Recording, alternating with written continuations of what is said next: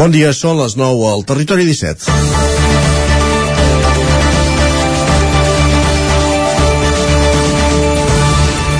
Canvi d'etapa a Osona contra el càncer. La fins ara presidenta Montserrat Freixer cedeix el testimoni a Cristina Herrera. No és un relleu qualsevol. D'una banda, perquè Freixer, de 88 anys, ha estat al capdavant de l'associació des de la seva fundació l'any 1998 i d'altra banda, perquè Osona contra el càncer, amb més de 2.000 associats, ha estat un instrument capaç d'aixecar finançament per projectes capitals per la millora de l'atenció oncològica a la comarca.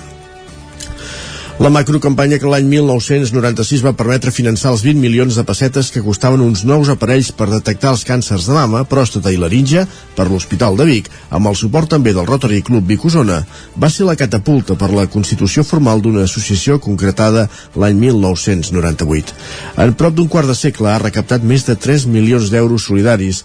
L'associació té una important xarxa de voluntariat a Osona i quan es fan a captes la comarca respon. Això permès activar projectes que poden semblar petits, des de facilitar coixins per dones operades de càncer de mama fins a una perruca pels efectes estètics de la quimioteràpia, passant per la compra de medicaments exclosos de la Seguretat Social o el servei de taxi, a qui no se'l podia pagar. I d'altres que són majúsculs, com l'adquisició del primer mamògraf digital, una inversió de 300.000 euros concretada l'any 2008 per millorar la fiabilitat en la detecció precoç del càncer de mama. De totes maneres, més enllà de les innegables, dels innegables èxits d'Osona contra el càncer, quan es parla de l'associació sempre cal fer una reflexió de fons. La seva existència i la solidaritat de la comarca ha de redundar en benefici de l'atenció que es presta. El que no seria correcte és que des del Departament de Salut, a l'hora de prioritzar inversions, existís la temptació de pensar que Osona ja se les paga. L'atenció sanitària pública a la comarca i les inversions que hi van associades han de ser raonables i l'aportació d'Osona contra el càncer ha de representar una millora, però en cap cas pot ser una substitució, si no, ens faríem trampes. Dilluns, 28 de març de 2022, comença el Territori 17 a la sintonia de la veu de Sant Joan, Ona Codinenca, Ràdio Cardedeu, Ràdio Vic, el 9 FM i el 9 TV. Territori 17, amb Isaac Moreno i Jordi Sunyer.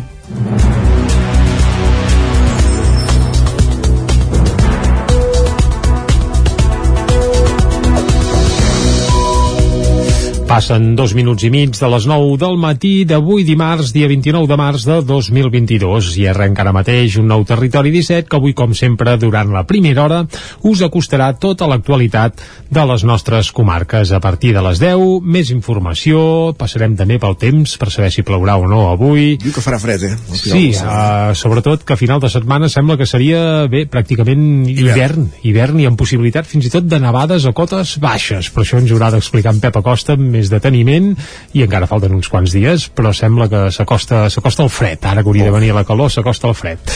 Anem al revés. Aquest temps està ben, ben, ben boig.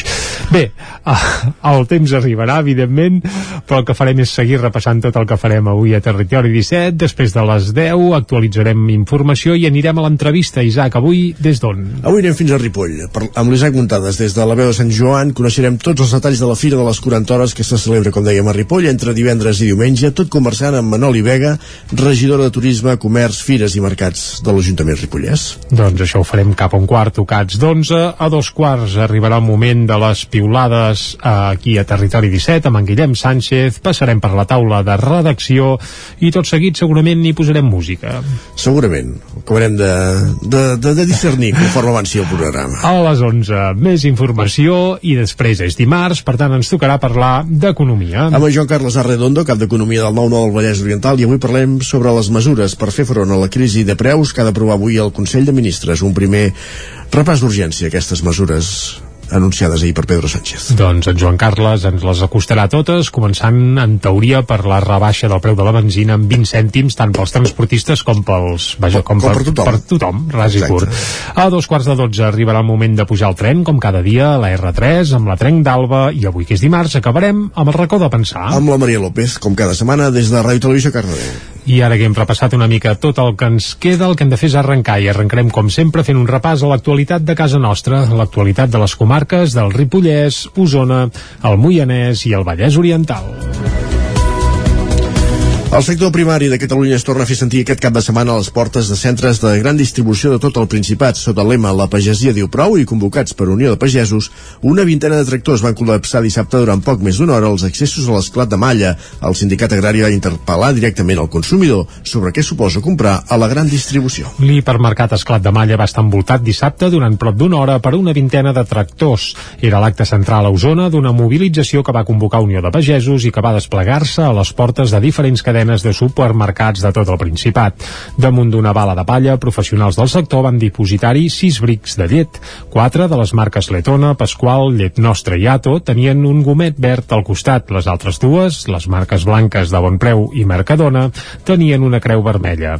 Una fórmula molt gràfica a través de la qual el sector pretenia interpel·lar directament el consumidor. Ho detalla Gil Soler d'Unió de Pagesos. La llet per sota euro, doncs, és mal pagada segur. Al final, tot el producte, si, si comprem producte molt barat, algú altre li repercuteix i, i el supermercat segur que no. És al final de la línia, que és, som els productors sempre. Sota el lema La pagesia diu prou, el sector va tornar a denunciar la inacció del govern i en particular de la Conselleria d'Agricultura, Gil Soler. Però bàsicament ens queixem d'això, de que no se'ns se maltracta i en canvi per altra banda tenim la, la conselleria, tenim el, els polítics que diuen que no, que no, que producte de proximitat, que volem granges de proximitat i tot això, però esclar, per altra banda veiem els costos se'ns disparen i això no se'ns és retribuït tal com toca i venim a queixar-se d'això.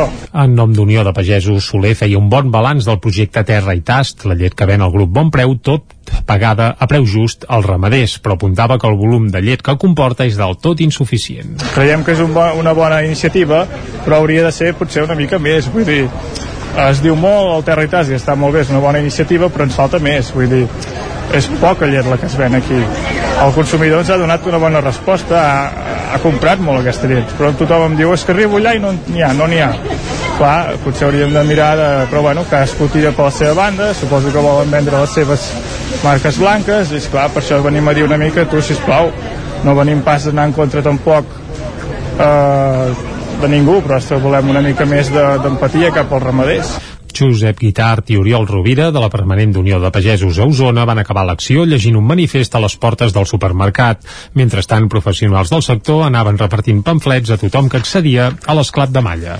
Més qüestions. Aquest dilluns han entrat en vigor els canvis en la gestió de la pandèmia de Covid-19 que suposen un gir important, ja que es comença a tractar aquesta malaltia com la resta d'infeccions respiratòries. Salut deixa de fer testos i, per tant, de confirmar tots els casos de Covid i només farà proves a la població de més de 60 anys, les, les persones immunodeprimides, les embarassades o en qualsevol pacient si els símptomes són greus. Un altre canvi substancial és que s'eliminen les quarantenes pels positius de Covid lleus o asimptomàtics. Aquestes persones hauran de seguir les recomanacions de qualsevol virus respiratori i evitar el contacte amb persones vulnerables o l'assistència a esdeveniments multitudinaris. Només hauran de fer aïllament de 5 a 10 dies els positius detectats als entorns sanitaris i residencials. El personal d'aquests centres que doni positiu se li farà la baixa laboral, que en la resta de casos només es tramitarà si els símptomes impedeixen anar a la feina. On, hi ha els canvi, on no hi ha canvis, volem dir, és en les mascaretes, que continuen sent obligatòries per a tothom, també a les escoles, en espais interiors. Encara a Osona, Roda de Ter contracta seguretat privada per evitar que ocupin els pisos que sortiran a lloguer assequible. La mesura, que és puntual a l'espera d'un sistema d'alarma, es va prendre després d'un intent d'ocupació a principis de mes. L'Ajuntament de Roda de Ter ha hagut de contractar puntualment vigilància privada mentre acaba d'arreglar vuit pisos d'un edifici situat a tocar de la carretera que travessa el poble. Després d'arribar a un acord amb la Sareb, a qui pertanyen els habitatges, el consistori té previst treure'ls a lloguer assequible, però a principis de mes es van trobar un intent d'ocupació il·legal, aprofitant que els operaris que porten a terme les obres havien desactivat les alarmes. Segons la primera tinent d'alcalde de Roda, Roser Montaner, actuar ràpid va servir per parar el cop i dels vuit pisos va fructificar, va tirar endavant, volem dir, l'ocupació de només un. Va ser aleshores que l'equip de govern va prendre la decisió de contractar vigilants privats i d'aquesta manera cobrir el període d'impàs fins que es va posar en marxa el nou sistema de seguretat. En total el servei va acabar costant uns 2.750 euros. Ara els habitatges ja estan gairebé a punt i l'Ajuntament de Roda preveu publicar la setmana que ve les bases que hauran de complir les persones que hi vulguin viure, entre les quals estan padronades al municipi. Dels 8 pisos, 7 es destinaran a lloguer assequible, dos per a gent jove. i una es reservarà per a situacions d'emergència social.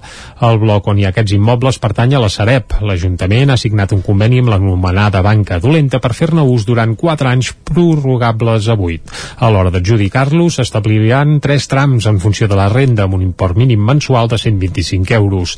Tota la documentació s'haurà d'entregar a l'Ajuntament, però de la gestió posterior, un cop passat al concurs públic, se'n cuidarà l'Oficina d'Habitatge del Consell Comarcal d'Osona, amb qui també s'ha subscrit un conveni. Arranca la fase final de construcció del centre sociocultural Calassans de Caldes de al Senegal, impulsat des de Caldes Solidària, amb el suport de l'Ajuntament de Caldes de Montbui. Caral Campàs, des d'Ona Codinenca. Aquests dies han començat les obres de les primeres aules del Centre Sociocultural Calassans a la localitat de Mampatim, al Senegal. Aquest projecte, que ja ha entrat en les darreres fases, l'impulsa des del 2019 Calda Solidària i és la iniciativa solidària que rep més suport econòmic des de la regidoria de cooperació. Enguany el consistori hi ha destinat 34.700 euros que serviran per col·laborar a construir aquest centre per promocionar els infants i joves de la zona. El centre es va inaugurar l'any passat, després que la pandèmia endarrerís les obres. Es tracta d'un espai sociosanitari i multifuncional amb zones per infants i joves i també per la població en general i que pot acollir activitats de tota mena, des d'acompanyament personal a tallers educatius. El Centre Sociocultural Calassans està situat al sector de Fouladou, una de les zones més pobres del país, i el va impulsar l'entitat Associació Educació Solidària amb el suport de Josep Artigas. Calda Solidària hi va col·laborar col·laborar des del principi buscant finançament i l'Ajuntament de Caldes de Montbui també hi va donar suport des de les fases inicials. Tona escull mantenir el parc infantil en la reforma de la plaça Major. La decisió és el resultat d'una consulta popular durant la qual es van recollir 285 vots. Les obres estan previstes per després de l'estiu. Les votacions per decidir els detalls de la reforma de la plaça Major de Tona han escollit que s'hi mantingui el parc infantil i que es renovi l'arbrat. Aquestes serien les característiques diferencials de la proposta proposta número 3, que durant les 3 setmanes de procés participatiu ha rebut 115 del total de 285 vots recollits. La proposta número 1, molt similar a la guanyadora, ha rebut 107 vots, mentre que la 2, que proposava substituir el parc infantil per una zona de trobada, s'ha quedat amb 63 vots.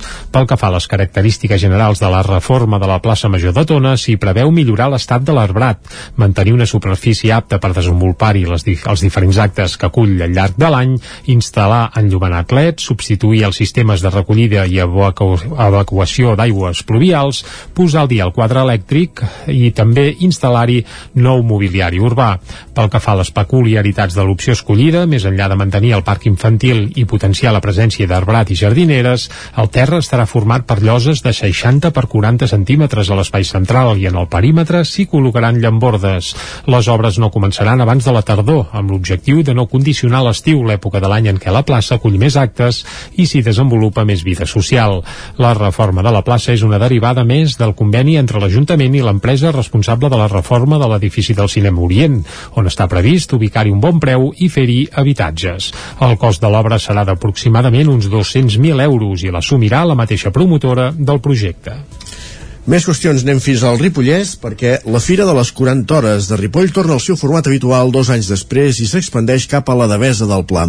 Isaac Muntades, des de la veu de Sant Joan. La Fira de les 40 Hores de Ripoll tornarà al seu format habitual els pròxims 1, 2 i 3 d'abril després d'anys d'impàs per culpa de la Covid-19. El certamen multisectorial, distingit per ser la fira més important del Ripollès, es va haver de suspendre el 2020 per la duresa de la pandèmia, mentre que l'any passat es van dividir les activitats en quatre caps de setmana. Enguany, la novetat més destacada que l'espai físic del certamen s'expandeix des del monestir de Santa Maria de Ripoll fins a la Devesa del Pla. La regidora de Turisme, Comerç, Fires i Mercats, Manoli Vega, explicava que els tres organitzadors de la fira, l'Ajuntament, Ripoll Comerç i la Unió Intersectorial Empresarial del Ripollès, comencen a treballar-hi uns dos o tres mesos abans. Per tant, volien ampliar l'espai al màxim possible per si la pandèmia els obligava a imposar mesures més restrictives, a més de permetre que la gent de la carretera de Barcelona en pugui gaudir. Vegas va marcar l'objectiu d'arribar als 30.000 visitants, però la xifra d'entre 25.000 i 27.000 persones persones també seria molt bona, uns nombres que dependran de diversos factors. Això també ens dependrà una mica del temps que faigui i per tant això també donarà les ganes de, de poder sortir. El que sigui primers de mes també afavorirà que sigui així.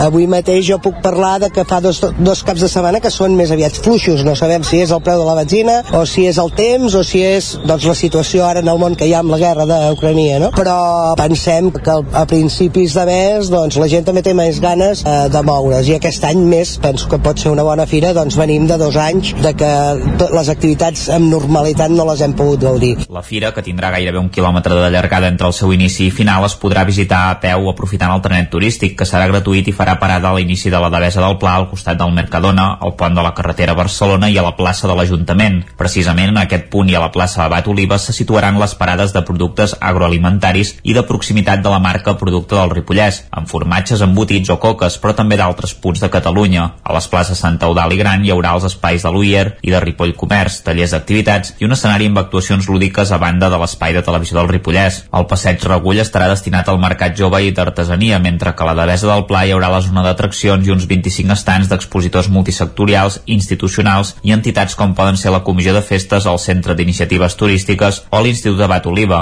La zona d'automoció amb els cotxes s'instal·larà a l'Avinguda del Tèxtil. Un dels grans canvis és que el passeig Sant Joan, el carrer Jacint Verdaguer i la plaça de la Llibertat només tindrà el mercat setmanal durant el dissabte al matí i ja no acollirà espais de la fira, un fet que millorarà molt la circulació del trànsit rodat durant la resta del cap de setmana. La fira de les 40 hores s'inaugurarà divendres a les 6 de la tarda a la plaça de Sant Eudal i comptarà amb la presència del conseller d'Economia i Hisenda de la Generalitat, Jaume Giró. Dissabte i diumenge obrirà a dos quarts de 10 del matí i tindrà alguns actes destacats com, per exemple, una trobada de crossfit a la Devesa del Pla un quart d'hora abans de l'obertura, una classe pràctica de Muay Thai a dos quarts de 12 del matí a la plaça Bat Oliva a càrrec de l'Espai Cercles o un tas de vins a l'església de Sant Pere dissabte a les 7 de la tarda organitzat per Rotarac, que anirà en benefici del projecte solidari del Rotary d'enguany.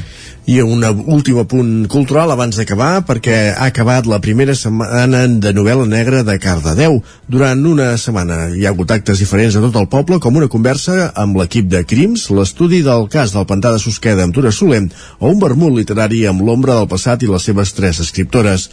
Núria Lázaro, des de Ràdio Televisió Cardedeu. La setmana va començar amb el Jordi Sierra i Fabra a la biblioteca amb un acte dedicat a infants i joves per parlar de l'experiència d'escriure novel·la policíaca dimarts una conversa amb l'equip de crims amb la guionista, amb la sociòloga i documentalista i la periodista i directora del programa. Dimecres el Club de Lectura va gaudir de Xavier Bosch i la seva trilogia Dani Santana. Dijous a la cerveseria Sant Jordi es va fer un estudi de cas amb la Tura Soler amb el seu llibre El pantà maleït per parlar del cas del pantà de Susqueda.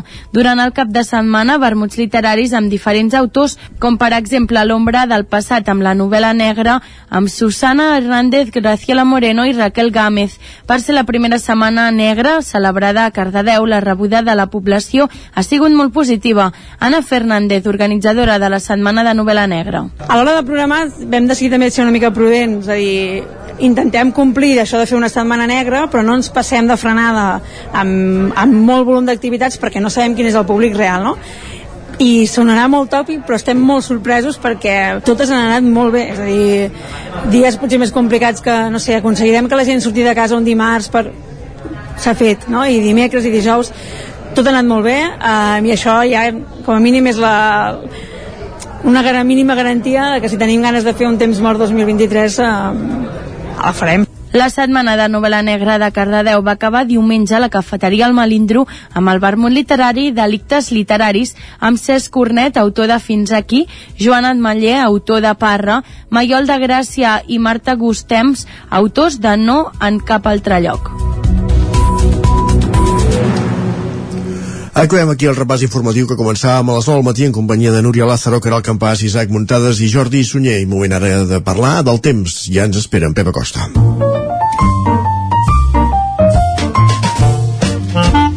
Casa Terradellos us ofereix el temps. Doncs vinga, ja tenim en Pep a punt per detallar-nos si avui serà un dia passat per aigua o no. Pep, molt bon dia, va.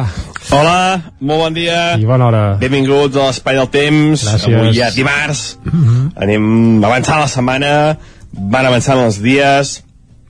I avui ens llevem amb unes temperatures força suaus, no han baixat gaire, uh, bufen, bufen vents del sud, vents que arrenquen del nord d'Àfrica, eh, ha canviat una mica la circulació de vents, no tenim ja llevant ni gregal, eh, ara ens ve vent del sud-sud, eh, mala visibilitat, eh, posa en suspensió, i durant el dia d'avui, mica en mica, cada vegada més núvols.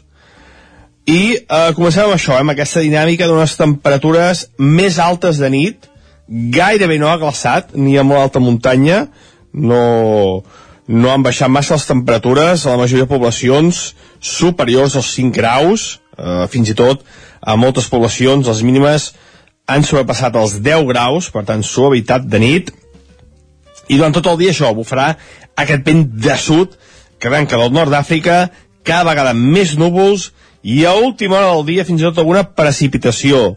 Precipitacions acompanyades de fang d'aquest gran desert que tenim al Sàhara, a no gaire quilòmetres d'aquí al sud de les nostres localitats, doncs eh, aquest vent empeny el, el, la, la pols d'allà i plaurà pols.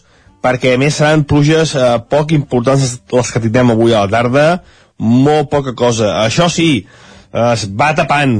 No serà un dia ni de ventós eh, assolellat com el d'ahir en total pluges la majoria inferiors als 5 litres. Les temperatures màximes eh, semblants a les d'ahir Uh, si bé degut a que hi haurà més núvols seran una mica més baixes. Ahir vam superar els 20 graus en, població, en alguna població com per exemple Parets. Avui no arribarem a 20 graus a cap població. La majoria de màximes entre els 16 i els 18 graus. Temperatures uh, una mica més baixes del que hauria de ser l'època de l'any ja ens, acostem a l'abril ja uh, i haurien de ser les temperatures una mica més altes de les que tindrem avui Uh, de cara als pròxims dies, demà i dijous, sobretot, la inestabilitat anirà més i de cara al cap de setmana el que tindrem és un, uh, un retorn a l'hivern. Uh, sobretot a partir de divendres, l'hivern tornarà a casa nostra. Semblarà que anem enrere amb el calendari en lloc d'anar endavant. Però bé, ho acabarem de matisar tot perquè hi haurà... els mapes també divergeixen una mica, veurem el que acaba passant. El que està clar és que avui hi haurà més núvols alguna precipitació, mala visibilitat amb aquests vents que arrenquen del nord d'Àfrica i unes temperatures bastant semblants a les d'ahir. Moltes gràcies, adeu. A tu, fins ara. Ja està, ja estem situats. Bé l'hivern. Torna l'hivern. Torna l'hivern, va. Doncs amb hivern o sense, anem cap al quiosc. Som-hi. Som-hi, eh? Casa Tarradellas us ha ofert aquest espai. Anem cap al quiosc perquè si no farem salat. Moment de conèixer les portades del dia. Jordi, comencem pel punt avui. Comencem pel punt avui que titula Economia de guerra. Sánchez anuncia un pla de xoc per uh, mitigar l'impacte econòmic del conflicte. El conflicte, evidentment, es fa referència a la guerra a Ucraïna, guerra que protagonitza la fotografia principal que hi ha al punt avui, on uh, diuen Moscou no dona treva ni confiança. També a la portada del punt avui apareix que Esquerra republicana s'obre a millorar el pacte sobre el català, aquest famós pacte eh, bé, que recordem-ho eh, Junts a última hora sembla que se'n desmarcava, sí. tot i que inicialment l'havia signat, i també recordem que lligat amb tot plegat, tot i que no serien ben bé fiques del mateix paner, avui hi ha vaga també eh, entre els docents escolars precisament eh, descontentament amb el conseller d'Ensenyament González Cambrai. Uh -huh. Anem cap a l'ara, va. Més titulars. A l'ara, titular principal, bonificació general de 20 cèntims per litre de combustible. La mesura que entrarà en vigor l'1 d'abril i s'allargarà fins al 30 de juny afecta tota la població. Això titulen a l'ara. També Will Smith, la bufetada que fa més mal als Oscars i apareix allò en plan com si fos una vinyeta sí. amb tres fotografies hores i es veu tot el procés de la clatellada, que és evident que no estava al guió perquè, home, el que la va rebre no se l'esperava de cap manera. La fotografia és per Zelensky, que diu la victòria d'Ucraïna només és qüestió de temps. Això ho diu eh, el mateix Zelensky a la portada del diari Ara, on també, per cert, apareix un detall de la candidatura dels Jocs d'hivern 2030 que diu només pendent eh, del de l'Aragó, bàsicament. És a dir, que ara sembla que Catalunya hi ha d'allò i només pendent d'aviam què acaba dient l'Aragó per tirar-la endavant o no. A l'avantguàrdia, va, rebaixa de la gasolina a tots els usuaris, aquest és el titular principal, però la fotografia és pel mastegot aquest de Will Smith també. Uh, una fanfarroneria que desllueix els Òscar, així ho titulen a l'avantguàrdia. També Barcelona uh, firma com a seu de la Copa d'Amèrica, de la Copa d'Amèrica de vela, eh? no són de Jocs Olímpics això, sinó de la Copa Amèrica de vela que sembla que tornarà a Barcelona. El periòdico. Sánchez aplica les receptes de la Covid a la crisi d'Ucraïna, aquest és el titular principal. Uh, també una bufetada masclista per a la història dels Oscars i de nou copiant una mica el que dèiem a, a l'ara amb tres fotografies, com si fossin tres vinyetes, tot el procés del mastegot de Will Smith. També 36 municipis de Barcelona tindran vigilància nocturna compartida. Això també apareix a la portada del periòdico. Anem cap a les portades que s'editen des de Madrid. Comencem pel país. La fotografia de nou és per Will Smith, eh? amb la plantofada aquesta famosa, la mhm. bufetada de Will Smith dinamita els Òscar de Coda. Coda és el títol de la pel·lícula que en teoria es van dur el premi a millor pel·lícula en aquest certamen. El titular principal, però, que ve sense fotografia, és per la subvenció al combustible serà per tota la població. Això destaquen eh, des del país. També Biden Biden apuja els impostos als rics per finançar la despesa militar. Això també apareix amb un raconet de la portada del país. Més portades ibèriques, anem a l'ABC, a Sánchez tira de subvencions i evita la rebaixa d'impostos. La rebaixa d'impostos que sol·licitava el PP, diuen que no, i tira de subvencions. Uh, presenta un pla de xoc contra les conseqüències de la guerra en el que topa la pujada dels lloguers, prohibeix l'acomiadament i bonifica 20 cèntims als carburants. Això a la portada de l'ABC. Anem a la Razón. Zelensky sobre a una Ucraïna neutral si Rússia es retira. Aquest és el titular principal que apareix a la Razón. També hi tenen en un raconet Pedro Sánchez, que diuen va tancar el pla anticrisi in extremis amb Podemos i també de nou aquí no amb tres fotografies sinó amb quatre tot el, el procés del clatallot de Will Smith, la bufetada de Will la seqüència, vaja. ah, exacte, va canviar els Òscar per sempre, diuen a la Razón Mare Déu. per sempre, jo diria que l'any que ve ho faran igualment, però vaja i acabem al Mundo. Feijó donarà el suport al pla de Sánchez si abaixa els impostos. Uh, això és el que apareix al titular principal del Mundo, on també hi ha una granada, diuen aquesta la guardo per Putin i Lukashenko, un soldat, i fa un petó amb una granada. Tornem d'aquí 3 minuts. El nou FM, la ràdio de casa, al 92.8. La vida i la naturalesa han portat Ernest Gingó a crear el seu primer disc i tu el pots ajudar a fer-lo realitat. Busca Seguint la Natura a la pàgina web Verkami i podràs fer la teva aportació econòmica a canvi del disc i d'alguns instruments artesanals que ha construït amb el seu pare, fuster de professió. Ajuda l'Ernest Gingo a fer realitat aquest primer disc que fa un viatge musical per la connexió amb la naturalesa. I un sentiment el racó de León ja és primavera. Gaudeix de la nostra terrassa. Vine a tastar les xuletilles de lechal a la brasa amb una bona amanida o el xuletón de vedella gallega. No et pots perdre el nostre lechado de Castilla al forn o el cochinillo a l'estil de Segovia. Tot acompanyat del millor celler, al menjador o fora la terrassa.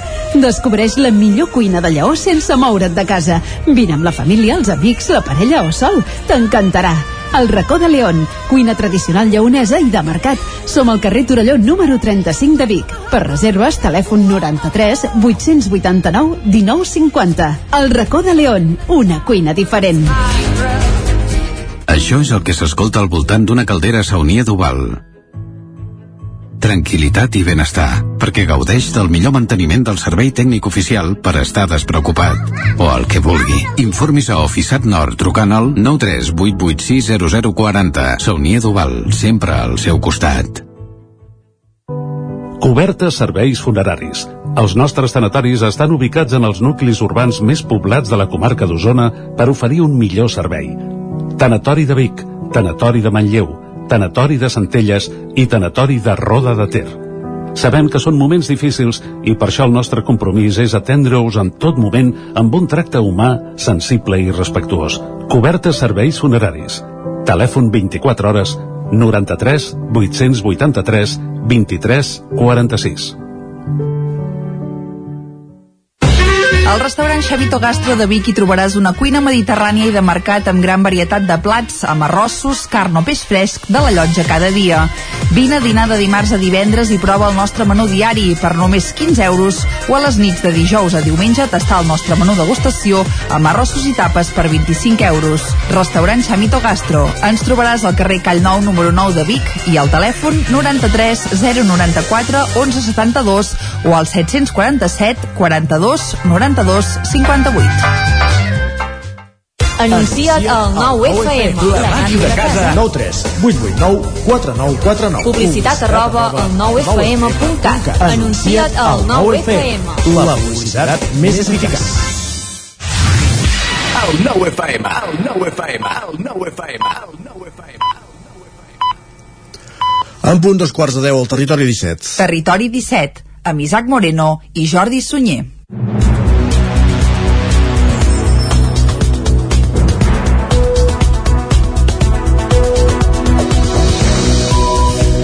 Doncs dos quarts de un punt d'avui dimarts, 29 de març de 2022 i a aquesta hora de seguida el que farem és acostar-vos de nou tota l'actualitat de casa nostra. Però ja us avancem que abans de les 10 hi posarem una mica de música. Avui escoltarem una nova peça de Sau 30, aquests Sau ressuscitats, i l'escoltarem perquè el proper dia 5 d'abril es farà un concert solidari a Barcelona per la Pau, on hi participaran moltes patums de l'escena nacional, la repassarem de seguida. Un dels grups que hi prendrà part serà precisament Sau 30, i és per això que avui hem repescat una cançó del seu recent nou disc. A les 10 en punt, més informació, i després, Isaac, anirem a l'entrevista cap a Ripoll, oi? Correcte, avui parlarem amb la regidora de Turisme, Comerç, Fires i Mercats, Manoli Vega, perquè aquest cap de setmana, de divendres a diumenge, se celebra una nova edició de, les fira, de la Fira de les 40 Hores, una recuperada Fira de les 40 Hores després de les dues edicions alterades per la pandèmia. Doncs vinga, cap a la Fira de les 40 hores faltarà gent, tot i que seran fresques, eh? Això ja ens ha quedat clar, sí. que el Pep Acosta ens ho ha, ens ho ha remarcat. Però ja, ja tenen abric, el Ripollès. I tant que sí. A dos quarts d'onze va, serà el moment de piulades, portades del 99.cat, taula de redacció i després hi posarem música. Correcte, repassarem algunes de les novetats musicals del nostre país. A les 11 més notícies i després tocarà parlar d'economia. Amb en Joan Carles Arredo, el cap d'Economia del 9-9 del Vallès Oriental, parlarem de les mesures per fer front a la crisi de preus que ha d'aprovar avui el Consell de Ministres i que anunciava ahir el president del Govern Central, Pedro Sánchez. I, a més a més, anirem com cada dia a la Trenc d'Alba, a la R3, això serà cap a dos quarts de dotze, i com que és dimarts, acabarem amb el racó de pensar. Com cada setmana, des de Ràdio Televisió Cardedeu i amb la Maria López.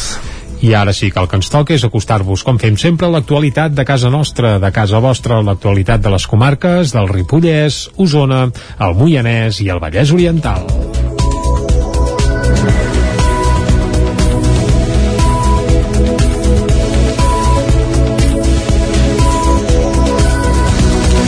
El sector primari de Catalunya es torna a fer sentir aquest cap de setmana a les portes de centres de gran distribució de tot el Principat. Sota el lema La pagesia diu prou i convocats per Unió de Pagesos, una vintena de tractors van col·lapsar dissabte durant poc més d'una hora els accessos a l'esclat de Malla.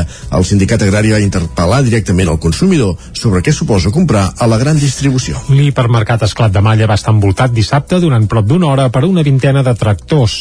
Era l'acte central a Osona d'una mobilització que va convocar Unió de Pagesos i que va desplegar-se a les portes de diferents cadenes cadenes de supermercats de tot el Principat. Damunt d'una bala de palla, professionals del sector van dipositar-hi sis brics de llet. Quatre de les marques Letona, Pasqual, Llet Nostra i Ato tenien un gomet verd al costat. Les altres dues, les marques blanques de Bon Preu i Mercadona, tenien una creu vermella. Una fórmula molt gràfica a través de la qual el sector pretenia interpel·lar directament al consumidor. Ho detalla Gil Soler, d'Unió de Pagesos. La llet per sota euro, doncs, eh, és mal pagada segur. Al final, tot el producte, si, si comprem producte molt barat, algú altre li repercuteix i, i el supermercat segur que no. És al final de la línia, que és, som els productors sempre. Sota el lema La pagesia diu prou, el sector va tornar a denunciar la inacció del govern i en particular de la Conselleria d'Agricultura, Gil Soler. Però bàsicament ens queixem d'això, de que no se'ns se maltracta i en canvi per altra banda tenim la, la Conselleria, tenim el, els polítics que diuen que no, que no, que producte de proximitat, que vo volem granges de proximitat i tot això, però esclar, per altra banda veiem els costos se'ns disparen i això no se'ns és retribuït tal com toca i venim a queixar-se d'això. En nom d'Unió de Pagesos, Soler feia un bon balanç del projecte Terra i Tast, la llet que ven el grup Bon Preu, tot pagada a preu just als ramaders, però apuntava que el volum de llet que comporta és del tot insuficient. Creiem que és un bo, una bona iniciativa, però hauria de ser potser una mica més, vull dir, es diu molt el Terra i està molt bé, és una bona iniciativa, però ens falta més, vull dir, és poca llet la que es ven aquí. El consumidor ens ha donat una bona resposta, ha, ha comprat molt aquesta llet, però tothom em diu, és que arribo allà i no n'hi ha, no n'hi ha. Clar, potser hauríem de mirar, de, però bueno, cadascú tira per la seva banda, suposo que volen vendre les seves marques blanques, i esclar, per això venim a dir una mica, tu, sisplau, no venim pas d'anar en contra tampoc eh, de ningú, però volem una mica més d'empatia de, cap als ramaders. Josep Guitart i Oriol Rovira, de la Permanent d'Unió de Pagesos a Osona, van acabar l'acció llegint un manifest a les portes del supermercat. Mentrestant, professionals del sector anaven repartint pamflets a tothom que accedia a l'esclat de malla. Més qüestions. Aquest dilluns han entrat en vigor els canvis en la gestió de la pandèmia de Covid-19 que suposen un gir important, ja que es comença a tractar aquesta malaltia com la resta d'infeccions respiratòries. Salut deixa de fer testos i, per tant, de confirmar tots els casos de Covid i només farà proves a la població de més de 60 anys, les, person les persones immunodeprimides, les embarassades o en qualsevol pacient si els símptomes són greus. Un altre canvi substancial és que s'eliminen les quarantenes pels positius de Covid lleus o asimptomàtics. Aquestes persones hauran de seguir les recomanacions de qualsevol virus respiratori i evitar el contacte amb persones vulnerables o l'assistència a esdeveniments multitudinaris. Només hauran de fer aïllament de 5 a 10 dies els positius detectats als entorns sanitaris i residencials. El personal d'aquests centres que doni positiu se li farà la baixa laboral, que en la resta de casos només es tramitarà si els símptomes impedeixen anar a la feina. On, hi ha els canvi, on no hi ha canvis, volem dir, és en les mascaretes, que continuen sent obligatòries per a tothom, també a les escoles, en espais interiors. Encara a Osona, Roda de Ter contracta seguretat privada per evitar que ocupin els pisos que sortiran a lloguer assequible. La mesura, que és puntual a l'espera d'un sistema d'alarma, es va prendre després d'un intent d'ocupació a principis de mes. L'Ajuntament de Roda de Ter ha hagut de contractar puntualment vigilància privada mentre acaba d'arreglar vuit pisos d'un edifici situat a tocar de la carretera que travessa el poble. Després d'arribar a un acord amb la Sareb, a qui pertanyen els habitatges, el consistori té previst treure'ls a lloguer assequible, però a principis de mes es van trobar un intent d'ocupació il·legal, aprofitant que els operaris que porten a terme les obres havien desactivat les alarmes.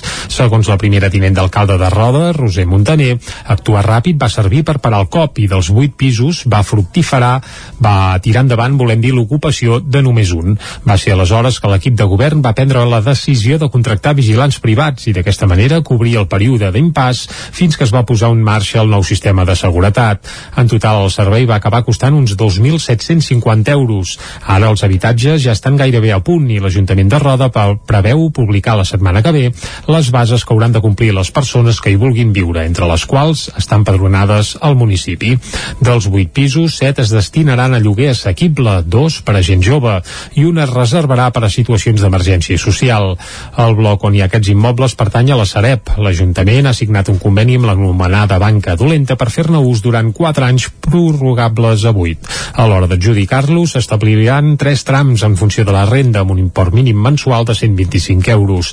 Tota la documentació s'haurà d'entregar a l'Ajuntament, però de la gestió posterior, un cop passat el concurs públic, se'n cuidarà l'oficina d'habitatge del Consell Comarcal d'Osona, amb qui també s'ha subscrit un conveni.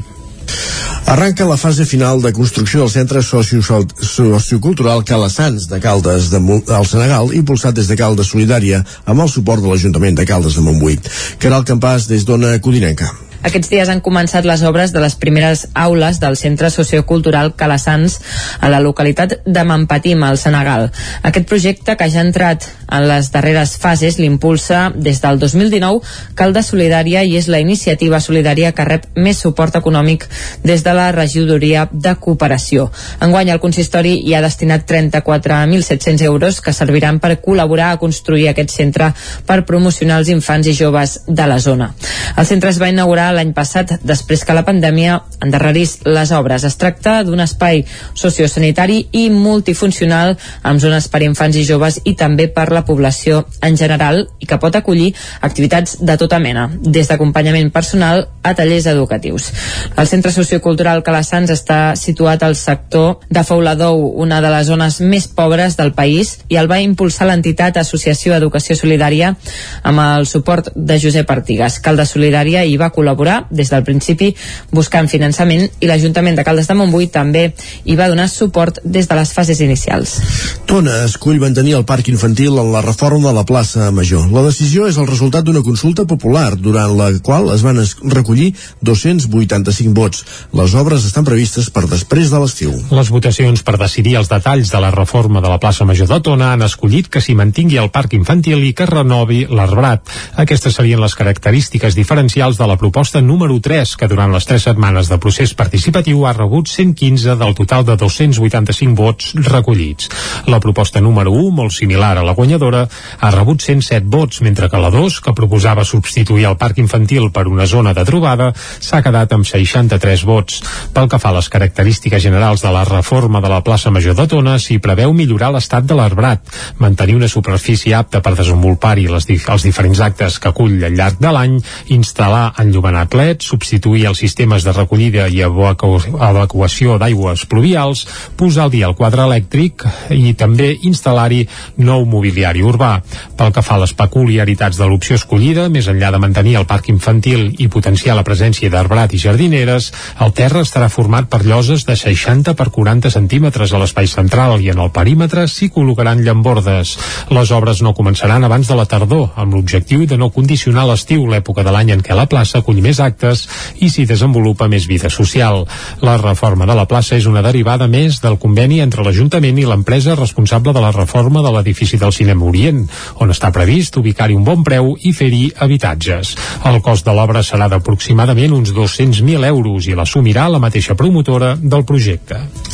Més qüestions, anem fins al Ripollès, perquè la Fira de les 40 Hores de Ripoll torna al seu format habitual dos anys després i s'expandeix cap a la Devesa del Pla.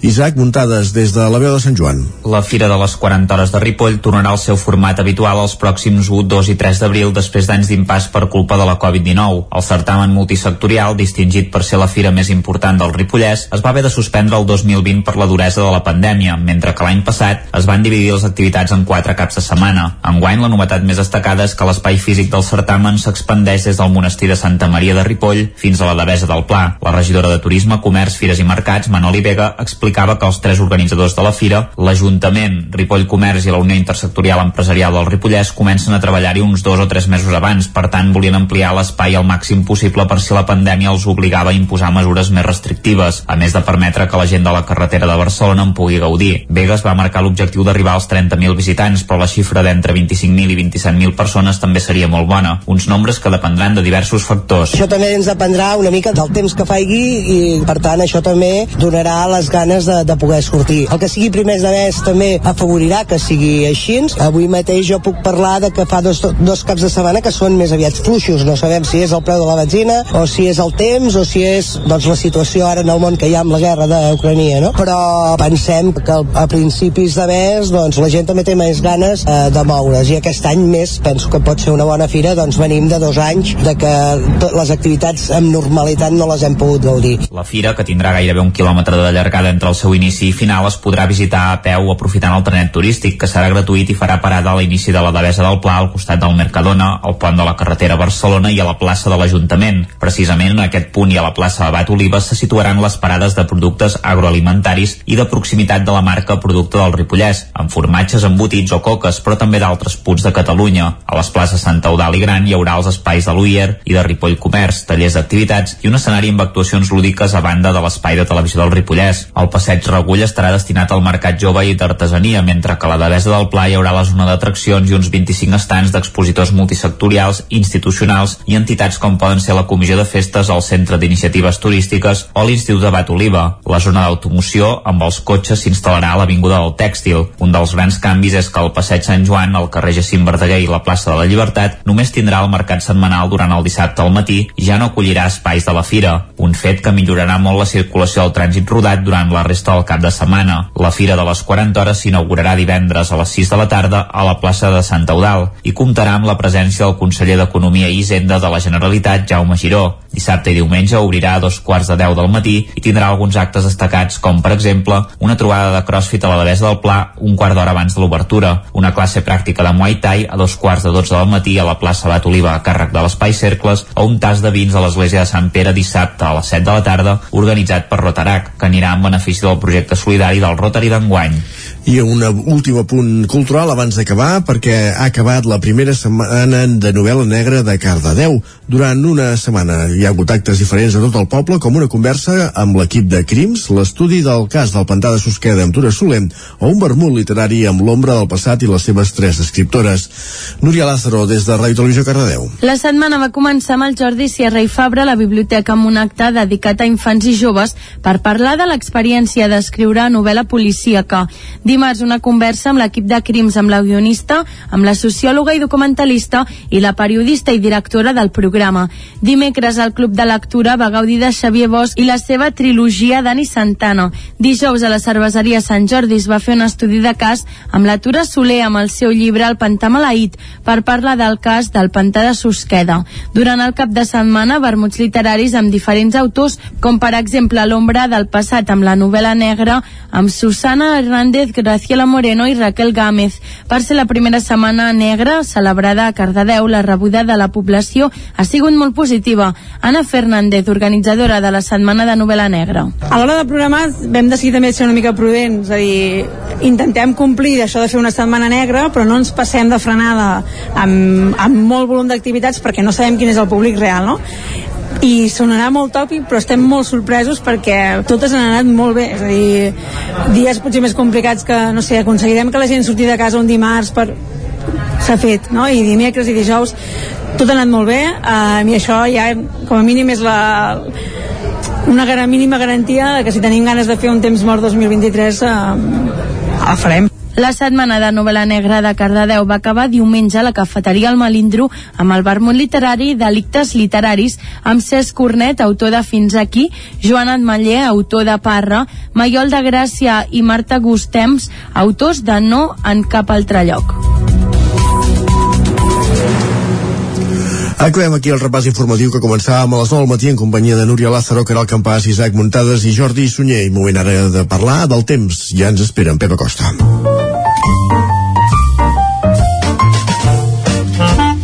Casa Terradellos us ofereix el temps. Doncs vinga, ja tenim en Pep a punt per detallar-nos si avui serà un dia passat per aigua o no. Pep, molt bon dia, va.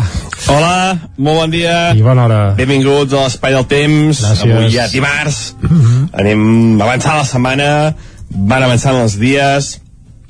I avui ens llevem amb unes temperatures força suaus, no han baixat gaire, uh, bufen, bufen vents del sud, vents que del nord d'Àfrica, eh, ha canviat una mica la circulació de vents, no tenim ja llevant ni gregal, eh, ara ens ve vent del sud-sud, eh, mala visibilitat, eh, posa en suspensió, i durant el dia d'avui, mica en mica, cada vegada més núvols.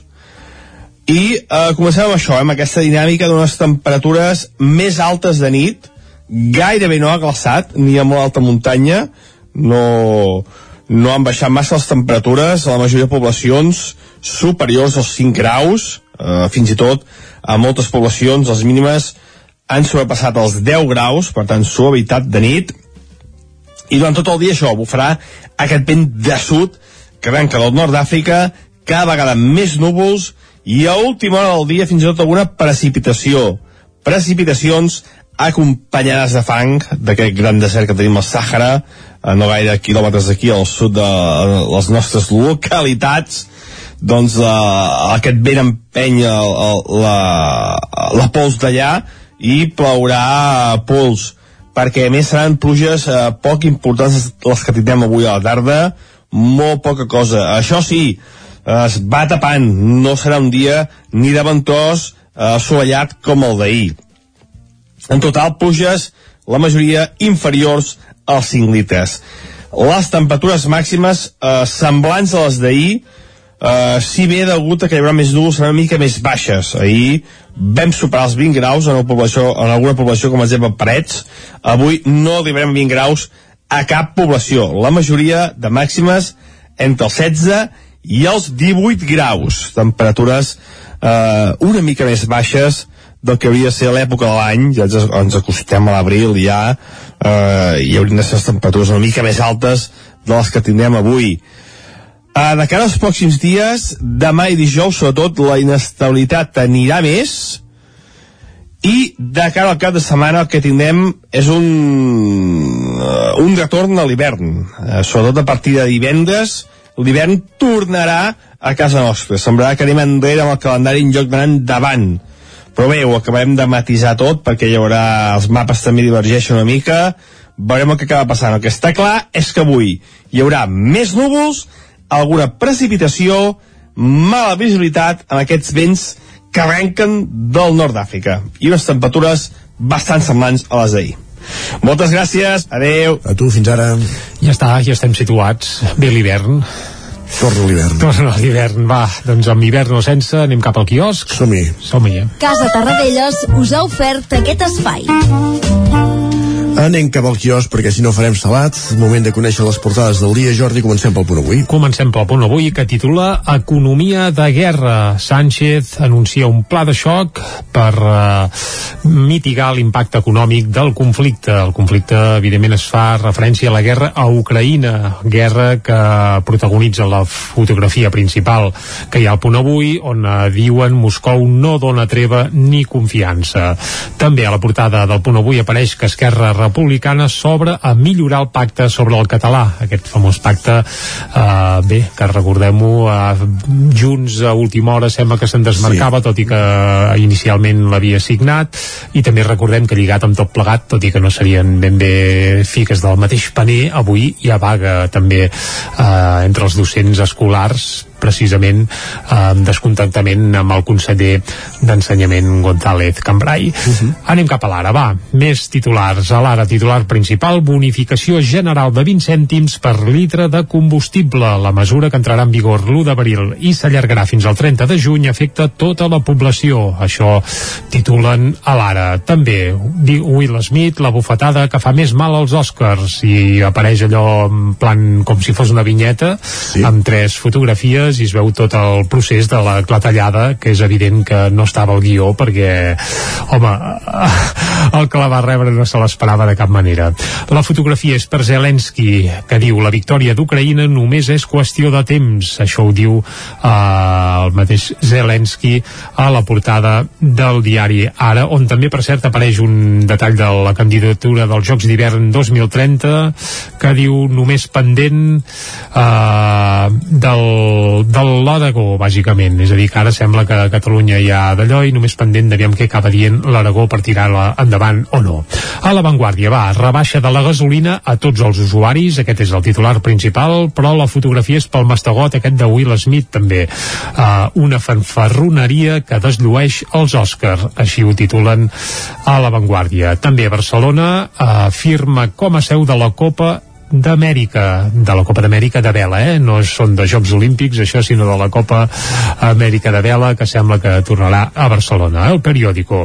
Sánchez aplica les receptes de la Covid a la crisi d'Ucraïna. Aquest és el titular principal. Uh, també una bufetada masclista per a la història dels Oscars i de nou copiant una mica el que dèiem a, a l'ara amb tres fotografies com si fossin tres vinyetes tot el procés del mastegot de Will Smith. També 36 municipis de Barcelona tindran vigilància nocturna compartida. Això també apareix a la portada del periòdico. Anem cap a les portades que s'editen des de Madrid. Comencem pel país. La fotografia de nou és per Will Smith eh? amb la plantofada aquesta famosa la mhm. bufetada de Will Smith dinamita els Òscar de Coda. Coda és el títol de la pel·lícula que en teoria es van dur al premi a millor pel·lícula en aquest certamen. El titular principal, però, que ve sense fotografia, és per la subvenció al combustible serà per tota la població. Això destaquen eh, des del país. També Biden apuja els impostos als rics per finançar la despesa militar. Això també apareix en un raconet de la portada del país. Més portades ibèriques, anem a l'ABC, a Sánchez, tira de subvencions i evita la rebaixa d'impostos. La rebaixa d'impostos que sol·licitava el PP, diuen que no, i tira de subvencions. Uh, presenta un pla de xoc contra les conseqüències de la guerra en el que topa la pujada dels lloguers, prohibeix l'acomiadament i bonifica 20 cèntims als carburants. Això a la portada de l'ABC. Anem a la Razón. Zelensky sobre a una Ucraïna neutral si Rússia es retira. Aquest és el titular principal que apareix a la Razón. També hi tenen en un raconet Pedro Sánchez, que diuen va tancar el pla anticrisi in extremis amb Podemos i també de nou, aquí no amb tres fotografies sinó amb quatre, tot el, el procés del clatallot de Will Smith, la bufetada de Will. seqüència, ah, exacte, va canviar els Òscar per sempre, diuen a la Razón. Mare Déu. per sempre, jo diria que l'any que ve ho faran igualment, però vaja. I acabem al Mundo, Feijó donarà el suport al pla de Sánchez si abaixa els impostos. Uh, això és el que apareix al titular principal del Mundo, on també hi ha una granada diuen aquesta la guardo per Putin i Lukashenko, un soldat i fa un petó amb una granada Doncs ja està, ja hem repassat una mica les portades de la premsa d'avui i Isaac, ara el que farem és posar-hi música. És el que toca, sí. I a més ja hem dit que avui ho farem amb una excusa i és que el proper dia 5 d'abril a la Sala Luz de Gas de Barcelona es farà un concert solidari per la pau eh, i tots els diners que es recullin aniran per l'ONG Somriures d'Ucraïna, que és una espècie de ONG tipus Osona amb els nens, Sí. però aquesta d'àmbit eh, nacional i tots els beneficis doncs aniran a aquesta ONG per tal de bé d'ajudar en l'acollida de refugiats que arriben d'Ucraïna. Qui actuarà en aquest concert? Doncs, ostres, moltes i moltes patrons de l'escena catalana. Només en dic uns quants perquè és que seria impossible enumerar-los tots. Però, per exemple, hi haurà la Bet, hi haurà en Manu Guix, hi haurà en Gerard Quintana, de Sopa de Cabra, hi haurà el Joan Dausà, hi haurà la mítica companyia elèctrica d'Arma, que aquest any estan d'enhorabona perquè fan 50 anys, eh, celebren 50 anys de vida, que això és, és inaudit. I també hi haurà el grup que ja estem escoltant de fons, que són Sau. Bé, s'han disfressat de Sau 30, però no deixen de ser Sau, això sí, sense Carles Sabater, el que canta Jonathan Argüelles, i avui escoltem Sau perquè aquests darrers dies ja us n'hem estat avançant cançons, perquè fa un parell o tres ja de setmanes que van publicar Mil i una nits i uns quants dies, el primer disc amb temes propis de Sau amb molts i molts anys, en 24 anys, que aviat és dit, i en aquest disc hi ha alguna peça que ja hem escoltat aquí a Territori 17, però avui n'estrenem una altra. És Els teus llavis humits, un mig temps d'aquell baladeta marca de la Casa de Sau. S'esvera, eh? Acaba sent un mig temps, eh? I amb això arribarem fins al punt de les 10. Els teus llavis humits, recordant que aquest concert solidari per la pau es farà el 5 d'abril a Barcelona. Doncs vinga, 30. La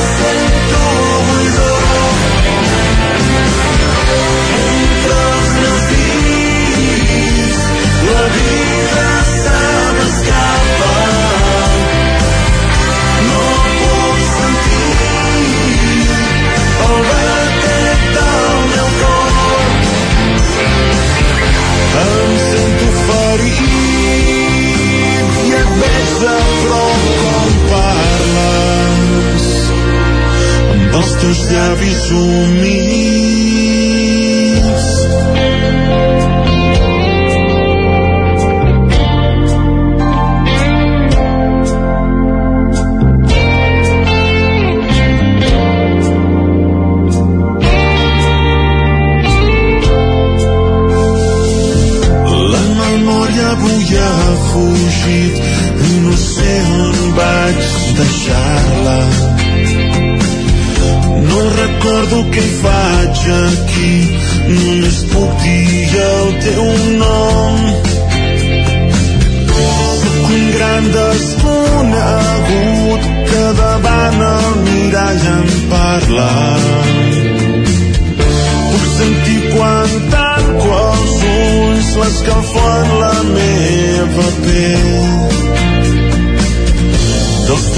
teus llavis humits.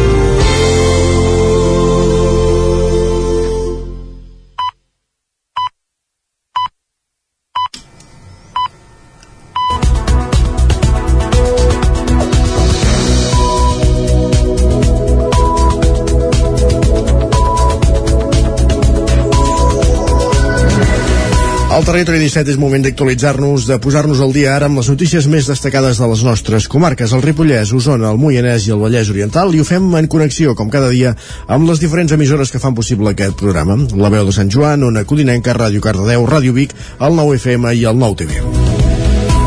Per explicar-los a aquesta hora que aquest divendres es posa en marxa l'empresa pública Onaigua del Consell Comarcal d'Osona que subministrarà aigua en baixa inicialment a sis municipis, Torelló, Balanyà, Sant Julià de Vilatorta, Sant Vicenç de Torelló, El Brill, El Brull i Sobremunt.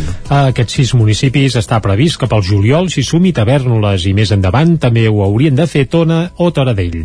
A la comarca, més de la meitat dels municipis, 24 de 50, presten el servei d'aigua amb gestió pública. A la pràctica, però, no arriba ni a una quarta part dels habitants d'Osona, ja que les grans ciutats com Vic i Manlleu no són de gestió pública.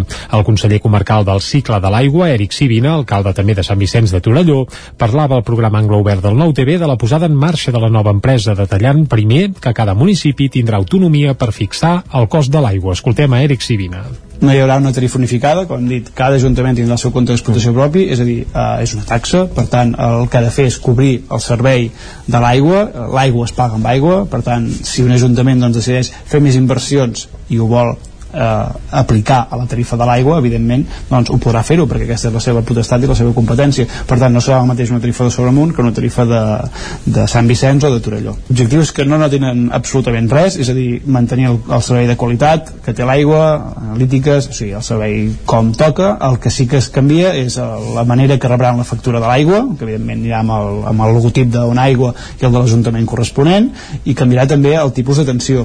El tipus d'atenció, evidentment, ja no hi ha un call center de bar, sinó hi ha un call center de, de, d'on aigua, i el que sí que nosaltres hi posem molt, molt d'esforç és eh, que la relació entre el client eh, el, el veí-veïna amb l'empresa doncs sigui més fluida Sivina també va explicar que els contenciosos presentats per Akbar per evitar la posada en marxa d'una aigua han condicionat l'arrencada de l'empresa pública. Evidentment aquests contenciosos ens han requerit doncs, posar-hi esforços eh, personals, esforços econòmics i, i ens han eh, allargat eh, la posada en marxa d'aquesta empresa. Que, ja, que ens hagin allargat no vol dir que ens hagin aturat el procés perquè ens trobem aquí i per tant donarem servei, però sí que ens han dilatat aquest, aquest procés. Aquest divendres, però, finalment, On Aigua, l'empresa pública impulsada pel Consell Comarcal d'Osona es posarà en funcionament. Més qüestions fem balanç ara de la pàgina Successos relacionada amb el Carnaval de Terra Endins i és que durant la festa es van detenir una persona per robar 12 mòbils. En els 5 controls d'alcoholèmia i drogues que es van fer, 10 persones van donar positiu. El Carnaval d'aquest any, que recuperava la rua, es va desenvolupar de forma tranquil·la i sense incidents greus, segons els Mossos d'Esquadra. Tot i això, es va detectar un augment de furts en els moments de màxima afluència de gent, sobretot furts de telèfons mòbils d'alta gamma. A la matinada de dissabte, a causa d'una baralla originada a la zona esportiva de Torelló, el vigilant de seguretat va retenir una de les persones implicades. En el moment de l'escorcoll se li van localitzar dins de la motxilla 12 telèfons mòbils sostrets durant aquella mateixa nit. Davant d'aquests fets, els agents van detenir el lladre de 39 anys per un delicte de furt. Els agents ja estan fent gestions per retornar tots els mòbils als seus propietaris. Entre el divendres i diumenge es van fer també 5 controls d'alcoholèmia amb un total de 166 lectures, de les quals hi va haver 6 denúncies per alcoholèmies administratives i 4 per consum de drogues. En l'operatiu dels Mossos d'Esquadra hi van participar agents de la comissaria de Vic amb el suport de l'àrea regional de trànsit, l'àrea regional de recursos operatius, la unitat de policia administrativa, la policia local de Torelló, el sistema d'emergències mèdiques, protecció civil i també personal sanitari. I més qüestions. El nou sistema lumínic dels dos polígons industrials de Caldes de Montbui ha permès estalviar més de 1.100 quilowatts per hora en 5 mesos. Caral Campàs, des d'Ona Codinenca. L'actualització i modernització del sistema d'il·luminació dels polígons industrials de Caldes de Montbui ha tingut un efecte directe en el consum d'electricitat que s'ha reduït de forma significativa. Així, en els 5 mesos que fa que es van substituir les antigues bombetes de vapor de sodi per llums LED, s'ha registrat una rebaixa de 1.134 kW per hora. De la mateixa manera, el conseqüent estalvi en la factura ha ajudat a compensar la pujada de preu de l'electricitat dels darrers mesos. Aquesta rebaixa econòmica i de consum s'ha notat especialment al polígon de la Borda, molt més gran i amb més punts de llum que el del Pinatà. La substitució de les 159 lluminàries existents als dos polígons es va fer l'octubre passat i també es va instal·lar un nou sistema de gestió a distància que permet regular la intensitat lumínica en funció de l'horari, tot plegat ha permès augmentar la il·luminació i la seguretat dels polígons del municipi. Aquest estalvi també es tradueix en un benefici pel medi ambient amb unes dues tones i mitja menys de CO2 anuals emeses a l'atmosfera. Així, amb el nou sistema lumínic s'ha passat de 12 tones i mitja anuals a 10. La UIR, és a dir, la Unió Intersectorial Empresarial del Ripollès i Ripoll Comerç volen potenciar la branca digital del comerç local a la Fira de les 40 Hores, Isaac Muntades, des de la veu de Sant Joan. El comerç local tindrà un paper capdalt en l'edició del 2022 de la Fira de les 40 Hores de Ripoll. Ripoll Comerç i la Unió Intersectorial Empresarial del Ripollès dinamitzaran la part central del certamen al sector de les places de Sant Eudal i la plaça Gran, passant per la plaça Cívica. El secretari general de la UIR, Josep Pascal, va apuntar que tot i que les fires multisectorials com la Ripollès o el Mercat del Ram de Vic estan perdent pistonada respecte als certàmens sectorials, aquestes mantenen un bon estat de salut. Per Pascal és vital que els comerços de Ripoll puguin sortir al carrer i vendre més. Per ara ja tenen unes 32 carpes confirmades de botigues que hi faran paradeta. El secretari general de l'UIR tenia molt clar que el comerç era l'aposta principal d'enguany. I per tant hem centrat tot el que és aquest espai del centre del poble amb comerç. Comerç comarcal, comerç online, digitalització de comerç i la part de comerç, aquest tema de comerç al carrer, d'obertura i de sortir. Bàsicament perquè passant la pandèmia el que sí que havíem vist és que qui més estava patint era el sector del comerç i l'hostaleria. L'hostaleria s'ha recuperat bé perquè realment han tingut ara últimament que la gent surt i per tant que es, es consumeix bé. Amb el comerç ens està costant més. Ens està costant més no, no només pels problemes de la pandèmia, sinó també per competències d'Amazon, etc. Per això apostem molt per la digitalització en el comerç, per el tema de les botigues online i perquè realment la gent des del sofà de casa també pugui comprar al comerç de Ripoll. Pascal reconeixia que si haguessin sabut els temes de problemes de transport o energètics que s'han produït arran de la guerra a Ucraïna iniciada per Rússia també haurien impulsat alguna actuació en aquest sentit. Entre altres activitats, a l'escenari de la plaça de Sant Eudal hi haurà un concert de Pep Poblet el diumenge a les 12 del migdia titulat Sacsejant el Vermut. Les activitats no es quedaran només aquí.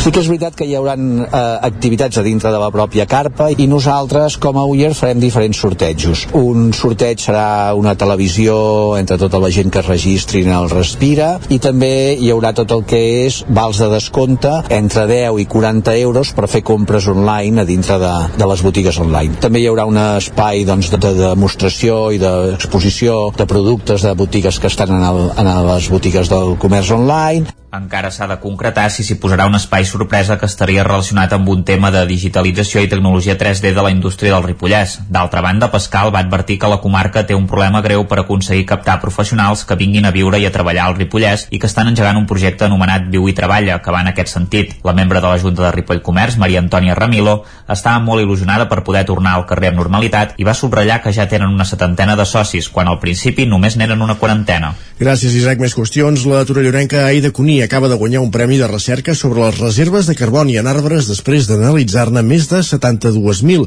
d'una dotzena de països. Aida Cuní de Torelló ha rebut un premi del Centre d'Investigació en Desenvolupament més important d'Escandinàvia, el Michelsen Institute, per un article que va publicar la prestigiosa revista Nature l'agost passat sobre les reserves de carboni als boscos de muntanya tropicals africans. A la recerca, Cuní va coordinar un equip de 101 investigadors que es va dedicar a analitzar 72.300 arbres d'una dotzena de països. Cuní és llicenciada en Biologia per la Universitat de Barcelona i està especialitzada en botànica. Viu a As, un petit poble situat a uns 15 minuts del sud d'Oslo, a Noruega, i és professora associada a la Norwegian University of Life Science. També ha viscut per motius laborals a altres països, com Anglaterra, on es va treure el doctorat.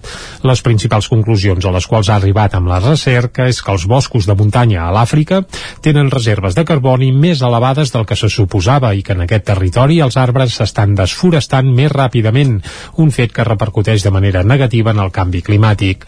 En ciència hi ha poca representativitat de la figura femenina, femenina i queda molta feina per fer perquè les dones treballin en les mateixes condicions que els homes. És per aquest motiu que la dotació econòmica del premi l'han donat a una estudiant del Camerún, que serà la primera noia estudiant de l'Àfrica que analitzarà arbres al costat de la torellonenca Aida Cuní i el Bibliobús Guilleries, que dona servei a 10 pobles d'Osona, compleix 25 anys. El Bibliobús Guilleries compleix el 25è aniversari donant servei a Call d'Atenes, Alpens, Gurb, Sant Julià de Vilatorta, les Magies de Voltregà, Rupit, Uris, Sant Bartomeu del Grau, Sant Vicenç de Torelló i Borgunyà. A cada poble hi para un cop a la setmana fent d'aquesta manera que disposin de servei de biblioteca. A dins del Bibliobús, un Ibeco amb carrosseria especial adaptada a la seva funció, hi ha un espai reduït amb els llibres i els ordinadors per fer la gestió dels préstecs. Aquests dies els usuaris encara no hi poden pujar per culpa de les restriccions de la Covid i s'instal·la una taula a fora per poder atendre els usuaris. A partir de Setmana Santa, però, Anna Cullell, que és la responsable del Guilleries, té l'esperança que es pugui recuperar el funcionament normal ja del bibliobús. Cullell s'encarrega del servei en companyia de Joan Costa, dels Hostalets de Balanyà, que és el conductor de l'autobús, que a la vegada és també auxiliar de biblioteca i ajuda en la gestió. Costa és un veterà del servei, una feina molt específica que combina el volant amb els llibres i que va començar fent en el bibliobús Pedra Forca, que és el que cobreix els pobles petits del Berguedà. Pel que fa al perfil dels usuaris, hi ha dos grans patrons, pares i mares joves amb nens de menys de 10 anys i persones que tenen més temps per llegir, com els jubilats. Aquests últims acostumen a ser molt assidus i molts d'ells s'emporten un llibre cada setmana. Cullell té clar que a aquest perfil d'usuari li costaria agafar el cotxe i anar, per exemple, a la Biblioteca Triadú de Vic, i com biblioteca, el, bi el bibliobús no és només un lloc que deixi recull llibres, sinó que procura col·laborar amb els agents diversos de cada poble, des de les escoles fins als ajuntaments. També organitzen clubs de lectura i disposen d'un catàleg d'activitats adreçades tant al públic familiar com als adults. I diumenge acabava el Festival Ressona de Cardedeu dedicat a la música clàssica. Ha sigut un festival ben rebut per part del públic després que l'última edició encara no es pogués celebrar amb total normalitat. Núria Lázaro, des de Ràdio Televisió Cardedeu. Aquesta edició s'ha decidit dedicar-la a Manel Oltra i per encetar el festival el dijous al vespre es va fer una taula rodona al Teatre Auditori de Cardedeu recordant-lo amb Jordi Lion i Josep Maria Serracant, tots dos deixebles d'Oltra. A més, al llarg del festival també hi ha hagut una exposició dedicada al compositor al vestíbul del mateix auditori, que estarà exposada fins al 24 d'abril. Divendres el festival va continuar amb l'actuació de Víctor Braujos, pianista cardedeuenc, que va presentar el seu nou disc és Reds of Light. El disc està marcat per les vivències dels darrers dos anys durant la crisi sanitària de la Covid-19 que han inspirat el pianista i barreja des de música contemporània a música clàssica. Braujos, de fet, ja havia de venir a tocar l'edició de l'any passat, però no va poder degut a la Covid. Igual que ell, diversos actes van ser aplaçats de manera que l'edició d'enguany ha servit per tornar al festival amb més normalitat. Jaume Sala, del Festival Ressona. A la gent encara potser ens costa eh, acabar de sortir, perquè ahir mateix amb la, amb la polifònica de Porreig doncs estàvem, passàvem una mica de mitja entrada eh, ja es veia bé vull dir que el, el, ja hi havia gent però allò que penses que igual amb, amb, fa 3 anys enrere potser hi hagués hagut més no? però avui per exemple que hi ha molt jovent avui estarà molt ple, vull dir que estem molt contents de la resposta una matinal amb tantíssima gent Uh, jo penso que això mica en mica. Ara el que són els intèrprets que ells, jo penso que ells sí que tenen moltes ganes de poder normalitzar i de, i de tocar i de, i, i d'estar junts amb la música, dir, això sí que es nota. A part d'aquests dos actes, el festival també ha comptat amb concerts per part de la Polifònica de Puigreig, músics del cor i house musics de Cardedeu, el quartet Teixidor i Josep Fuster. Gràcies, Núria. Acabem aquí aquest repàs informatiu en companyia de Núria Lázaro, com sentíem, també Caral Campàs, Isaac Muntades i Jordi Sunyer. Moment ara de saludar en Pep Acosta de nou per saber la previsió del temps.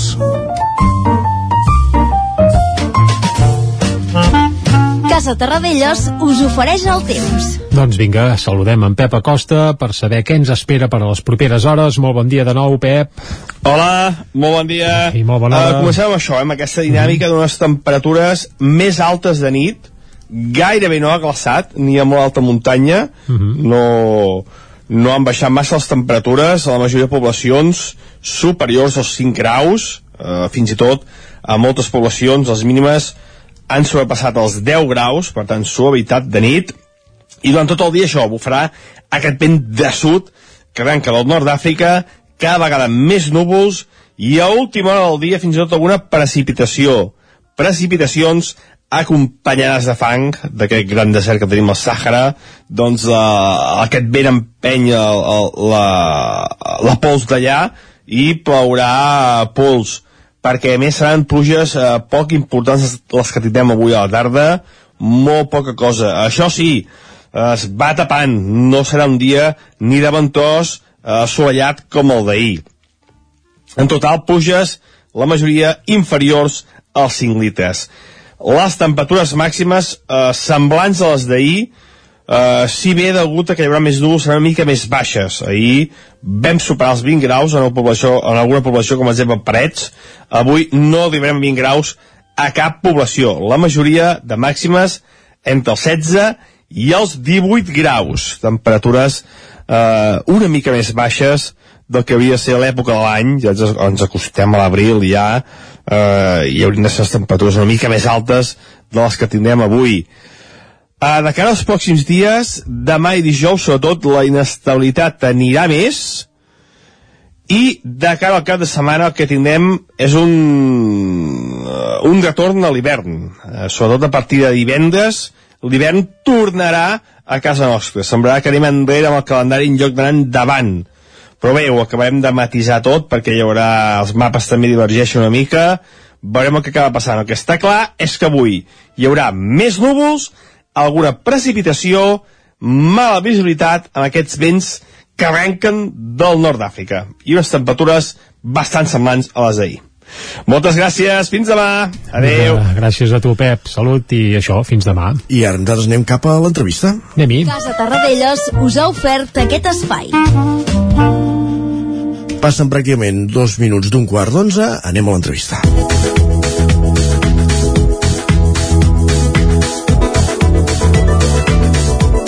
I és que a partir d'aquest divendres fins a la tarda de diumenge, Ripoll acollirà l'edició del 2022 de la Fira de les 40 Hores, que retorna al seu format original després de dos anys on no s'ha pogut celebrar com és habitual. El 2020 es va haver de suspendre per culpa d'estar al mig dels dos mesos més durs de la pandèmia i l'any passat es va celebrar dividida en quatre caps de setmana per evitar massificacions. Enguany, el certamen torna amb algunes novetats de pes que desgranarem a continuació. Isaac Montades, des de la veu de Sant Joan, bon dia. Bon dia, i per saber-ho tot de la Fira de les 40 Hores en parlarem amb la regidora de Turisme, Comerç, Fires i Mercat eh, de Ripoll, Manoli Vega, aquí ja tenim el telèfon que, que ens expliqui doncs, els detalls de què és allò que no ens podem perdre d'aquesta fira. Bon dia Manoli i moltes gràcies per atendre'ns. Bon dia a vosaltres. Primer de tot, Manoli, el gran canvi d'enguany és que la fira s'estira, hi haurà espais des de la plaça de l'Ajuntament fins a la Devesa del Pla. No sé quins avantatges suposa el fet de, de guanyar aquest nou espai, perquè a més a més també això servirà perquè el trenet turístic eh, en faci un nexe d'unió, i, i què hi veurem a la Devesa? Bé, aquest any el que vam pensar és doncs, donar més, eh, més espai, com deia, primer pensant doncs, en un canvi, en un canvi que ja havíem rumiat que havíem de fer eh, aprofitant doncs, tot l'espai de la Devesa del Pla i segon també doncs, en un moment en què tu saps que tot això es planteja uns mesos abans i vam pensar doncs, bé comptant en què ja pensàvem en fer-ho amb el format habitual del cap de setmana poder també donar aquest, aquest, aquest més espai a la fira. Per tant, aquest any tindrem una passejada d'un quilòmetre eh, per Ripoll de fira. Uh -huh. En aquesta edició el passeig de Sant Joan només estarà ocupat dissabte al matí pel mercat. Aquest format per, donarà una millor... millorarà la circulació substancialment al poble, oi? Sí, perquè quan més concentració de volum de circulació tenia era el divendres i el diumenge amb la tornada de, de la gent doncs, que, que, que està habitualment eh, eh, de visita i de turisme a la nostra comarca, per tant, el flux de cotxes era, era important, per tant només quedarà ocupat el dissabte al matí al mercat i d'aquesta manera doncs també eh, donem això, no? donem una, una facilitat millor a tota la circulació de cotxes. Uh -huh. Ripoll Comerç i la Unió Intersectorial Empresarial del Ripollès, Manoli, juntament amb, amb l'Ajuntament, sou els organitzadors de la fira. El comerç tindrà un paper capdalt, oi, en aquesta fira? Què, què faran? On estan ubicats? El, el comerç i l'Uller estaran ubicats a plaça Sant Eudal i plaça i plaça Gran amb diferents activitats. També hi haurà l'escenari en, la, en, en la que també tindrem alguns concerts i entrevistes i, i bé, i diferents activitats i a més a més doncs, el comerç tant local com algun eh, comarcal també tindrà doncs, el seu pes.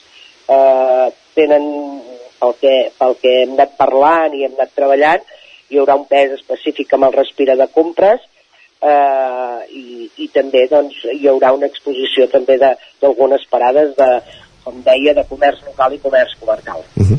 Abans parlàvem de, de guanyar aquest espai de la devesa del Pla. Què s'hi farà concretament en aquest nou espai? El que fem és, aviam, eh, per entendre'ns, agafem des de la plaça des de la plaça de, de, del monestir, la plaça Batoliva, i plaça Ajuntament, que tindrem tot el producte d'alimentació de tant de productes ripollès com d'altres productes que també ja són típics en, en, en, en, aquesta tira. Per tant, tot el tema d'alimentació baixaríem eh, fins a la plaça Central i plaça, eh, plaça Gran, que com deien tindrem tot el tema del comerç local i mm -hmm. empresa. Passeig Regull, per tant empalmem i tindríem el mercat jove, mercat d'artesania i alguna food truck, vale? amb el, eh, alguna food truck, la xurreria, alguna xurreria que ja és habitual, a Ripoll i tal, i llavors ja continuaríem cap a la Devesa.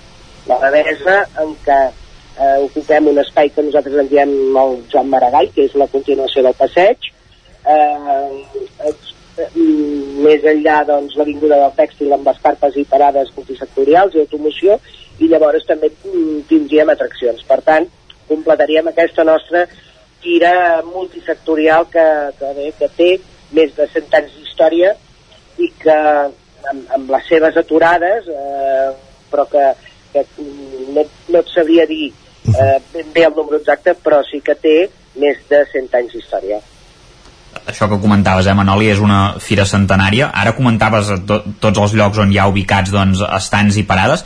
No sé si pots fer una estimació de, de tots els estants i parades que hi pot haver-hi al llarg de tota la fira, eh? no només d'una zona concreta, perquè no, normalment es parlava de que sempre cada any eren una, uns 200 aproximadament, alguns anys 180 o 170. No sé aquest any també si la pandèmia influeix i si, si pots concretar una mica quants, quants, quants n'hi haurà. No sé si arribarem als 200. No, no arribarem pas als 200. Pensem això, eh, que sortim d'una pandèmia i d'un canvi d'hàbits en què ens ha costat, doncs això, eh, emplenar alguns, alguns sectors que, que, que venien més, més empresa i més, eh, més estants els que d'això, però tot i així comptarem amb uns 130, 140 estants.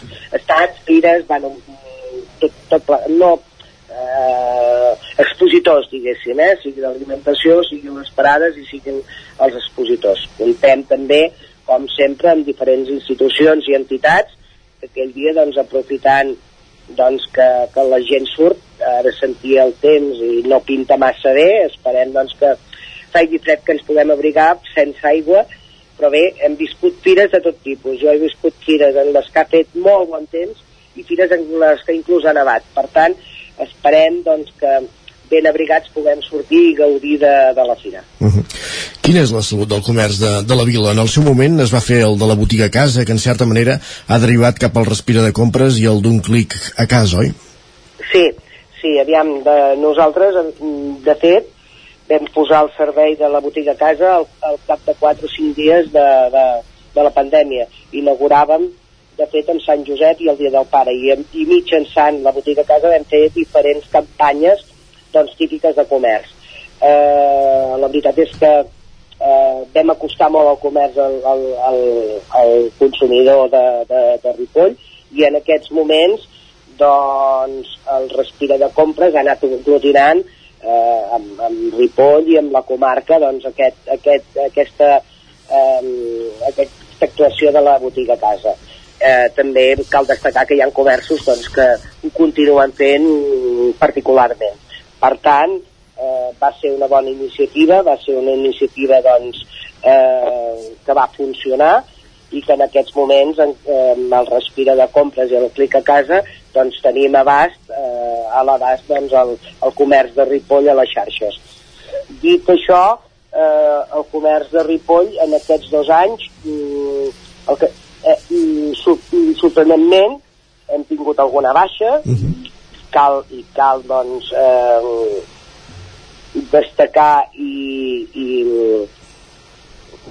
cosa que no, que, ja, que costa d'assumir com a regidora de comerç, però sí que tenim un saldo positiu en aquests eh, de 27 comerços eh, en positiu, no? que han obert i que han apostat per, per Ripoll. Per tant, és una dada positiva.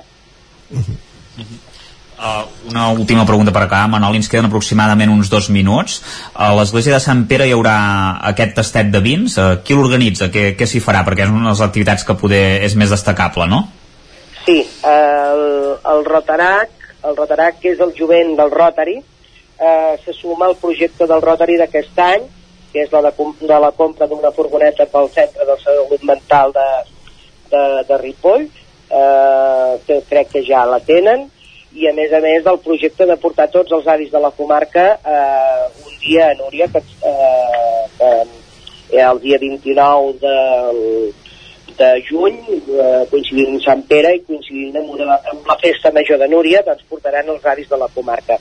Per tant, el Rotarac se suma amb aquest pa de vi, eh, aquesta cata de vins que es farà a l'església de Sant Pere el dissabte de 7 o 9 de, de la tarda. Uh -huh. Per tant, doncs bé, eh, aplaudir aquesta, aquesta iniciativa d'una de les entitats. Eh, la fira, de fet, és la suma, és la suma mm, d'entitats, de, d'empresa, eh, d'institucions que fan mm, que tot, tot plegat doncs esperem doncs, sigui un èxit i esperem això, esperem sobretot doncs, que el temps ens deixi sortir i gaudir-la. Com molt farà fred, diuen. Uh, Manoli Vega, regidora de Turisme, Comerç, Fires i Mercat de l'Ajuntament de Ripoll, gràcies per ser avui amb nosaltres per parlar d'aquesta fira de les 40 hores que se celebra a partir de divendres i fins diumenge a la capital del Ripollès. Bon dia. Bon dia i moltes gràcies i, i us esperem tots aquí. Aquí gràcies. estarem, gràcies. Gràcies, Isaac, parlem més tard, aquí al Territori 17. Fins, fins després. Fem una pausa per la publicitat i tornem amb la resta de continguts d'aquest matí de dimarts. El nou FM, la ràdio de casa, al 92.8. A la rostisseria El Plat ens agrada la cuina de sempre, la de les àvies i de les mares, la cuina feta amb paciència com s'ha fet tota la vida. Vine a provar els nostres canelons gruixuts o els croquetons, les nostres croquetes de 80 grams, i recupera el gust del pollastre a com els que es menjaven abans. Ah, i aprofita, fins a finals de febrer, 20% de descompte en els canelons i el pollastre. Rostisseria El Plat, encàrrecs fins a les 12 del migdia i servei a domicili. Ens trobaràs de dijous a diumenge al carrer Església número 6 de Taradell o al 93 100 35 58 85. Estàs afectat pel càrtel dels cotxes? Si vas comprar un cotxe entre el 2006 i el 2013, pots recuperar fins a un 15% del preu de compra. Contacta amb Puig de Canet Advocats i et tramitarem la reclamació en col·laboració amb Redi Advocats, un despatx d'abast estatal amb més de 40.000 afectats, sense pagaments, sense riscos i sense judicis. Només cobrem si tu cobres. Truca al 93 883 3223. Ja tens la teva disfressa? Carnestoltes a Manli. Vine i demana'ns la disfressa que vulguis. Trobaràs un món de fantasia en disfresses i complements per al Carnestoltes. Hi ha uns preus especials. Som al carrer Ramon Soler, número de Vic, i també ens trobareu a manli.cat. Fem de la festa una bogeria. Una bogeria. Cobertes serveis funeraris. Els nostres tanatoris estan ubicats en els nuclis urbans més poblats de la comarca d'Osona per oferir un millor servei Tanatori de Vic, Tanatori de Manlleu, Tanatori de Centelles i Tanatori de Roda de Ter. Sabem que són moments difícils i per això el nostre compromís és atendre-us en tot moment amb un tracte humà, sensible i respectuós. Cobertes serveis funeraris. Telèfon 24 hores 93 883 23 46. Vols aprendre anglès i viure una experiència inoblidable? Estades per a joves a Irlanda, classes d'anglès i un munt d'activitats, allotjats en família o en residència i convivint sempre amb joves d'altres països. També classes per adults i programes per a tota la família. Tures Language and Travel, especialistes en Irlanda des de 1994. Més informació a tures.cat. Cocodril Club. Si t'agrada la bona música dels anys 60, 70 i 80, escolta el 9 FM els matins de dissabtes i diumenges d'11 a 1. És el temps del Cocodril Club, tot un clàssic de la ràdio, amb les bases del pop-rock, les llegendes, les cançons que s'han convertit en autèntics himnes. Recorda, dissabtes i diumenges al matí, d'11 a 1, al 9 FM 92.8. Cocodril Club, el programa revival de l'Albert Malla. Hasta luego, cocodrilo. El nou FM, el nou FM. En punt ara mateix, dos quarts d'onze al territori 17.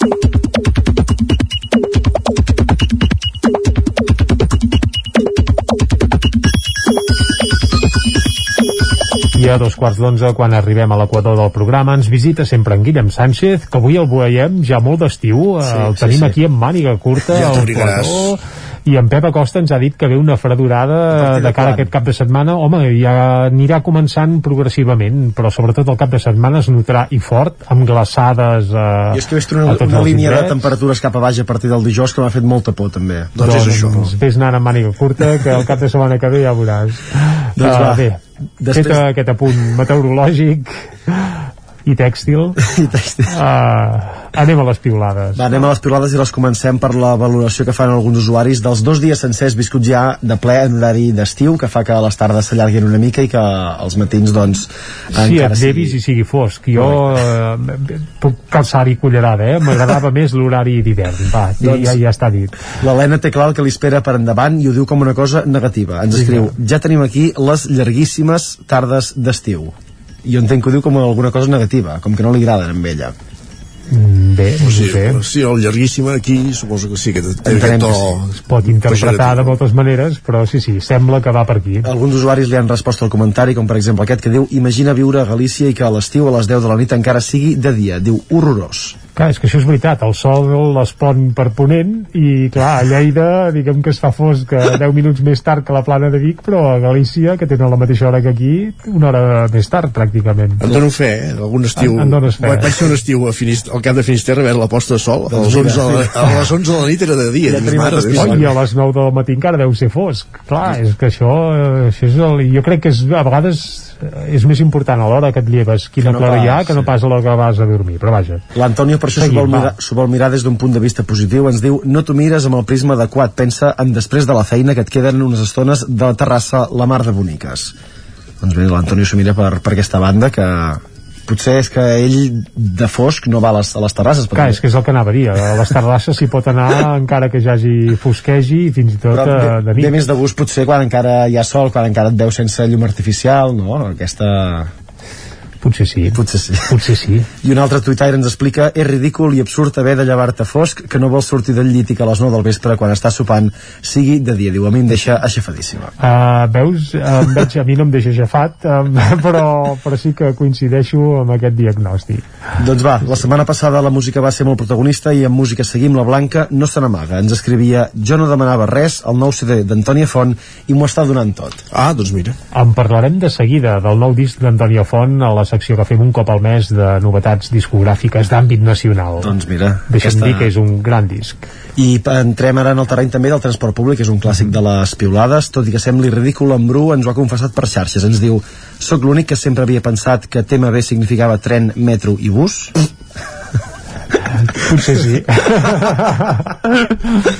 Isaac, no riguis, no riguis. No, no, també és cert que els que treballem en el món de la informació eh, ho tenim més de ho per tenim mà, més per mà que, que la resta de mortals i que a vegades ens pot fer gràcia però segur que no és l'únic ni de bon tros No, no, i a més a comarques, clar... I, és més, et diré segur que els equivocats som nosaltres Seguríssim, seguríssim.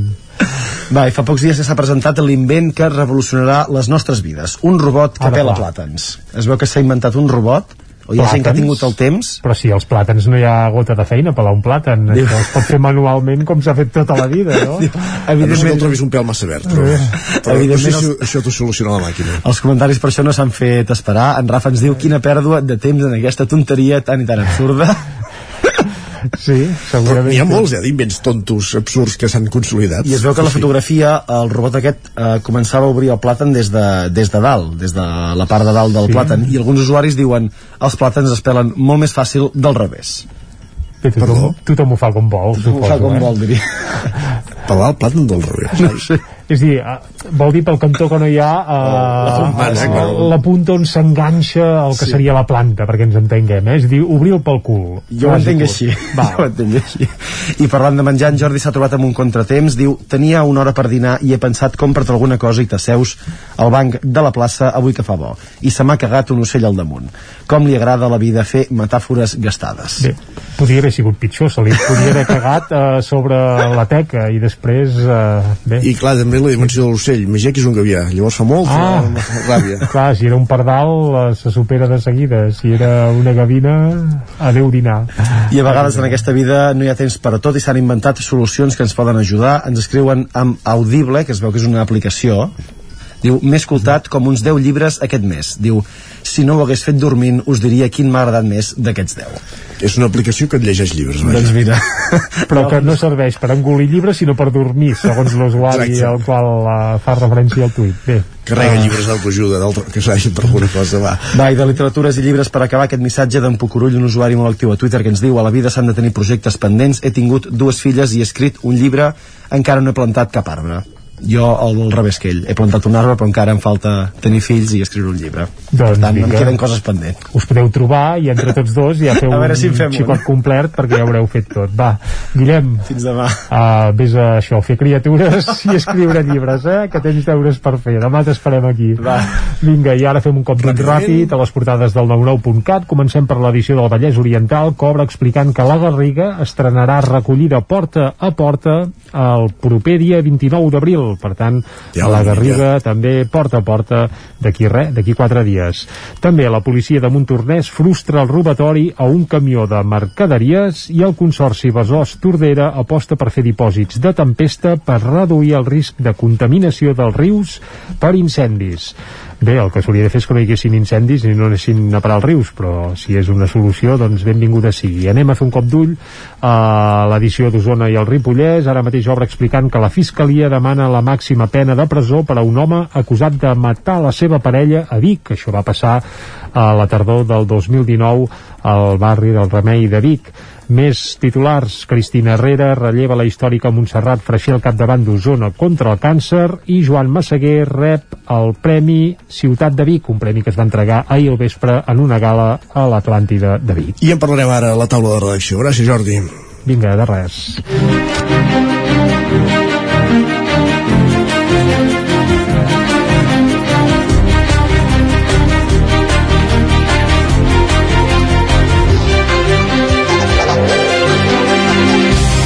I obrim la taula de redacció, avui en companyia de Jordi Vilarrodà i de Guillem Freixa. Parlarem del Premi Ciutat de Vic a Joan Massaguer, però també parlarem Guillem Freixa, bon dia, ja el tenim a l'estudi. Molt bon dia.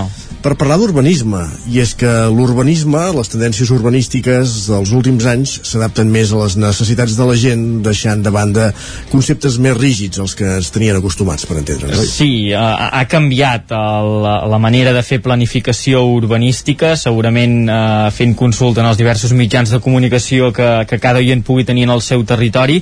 Eh, és habitual trobar notícies vinculades a això, al planejament urbanístic, a l'urbanisme de la seva ciutat, a vegades temes molt complexos, molt tècnics, però sí que darrere d'aquesta ciència rígida, que es basa molt en, en plànols i en xifres i en números i en, en, bueno, en, en mapes, bàsicament, uh -huh. doncs cada cop més hi ha aquesta incorporació d'adaptar-se a les necessitats de la població i també a les sensibilitats de les uh, persones. A la comarca d'Osona, quan es parla d'urbanisme, de seguida ens ve al cap uh, un centellenc i el de Fons Cerdà, uh, va ser qui va planificar Claro. l'Eixample de Barcelona. A la per tant- comarca d'Osona i a mig Catalunya. Sí, fet. de fet és un, un, un centellenc eh, internacional, il·lustre, eh, per aquest fet, eh, perquè va ser qui va planejar tot eh, l'Eixample de Barcelona, el creixement de la capital catalana a mitjans del segle XIX, vinculat a l'urbanisme, el Casino de Vic, que cada cert temps, de manera periòdica, organitza doncs, conferències i debats eh, temàtics, en va organitzar un centrat precisament en aquest tema, en l'urbanisme i en concret eh, basant-se en eh, l'urbanisme en perspectiva de, de gènere. Hi van participar d'una banda Eulàlia Vilamala, que és arquitecta i feia de moderadora. També hi va prendre part Mònica Carrera, que és arquitecta i és especialista en espai urbà.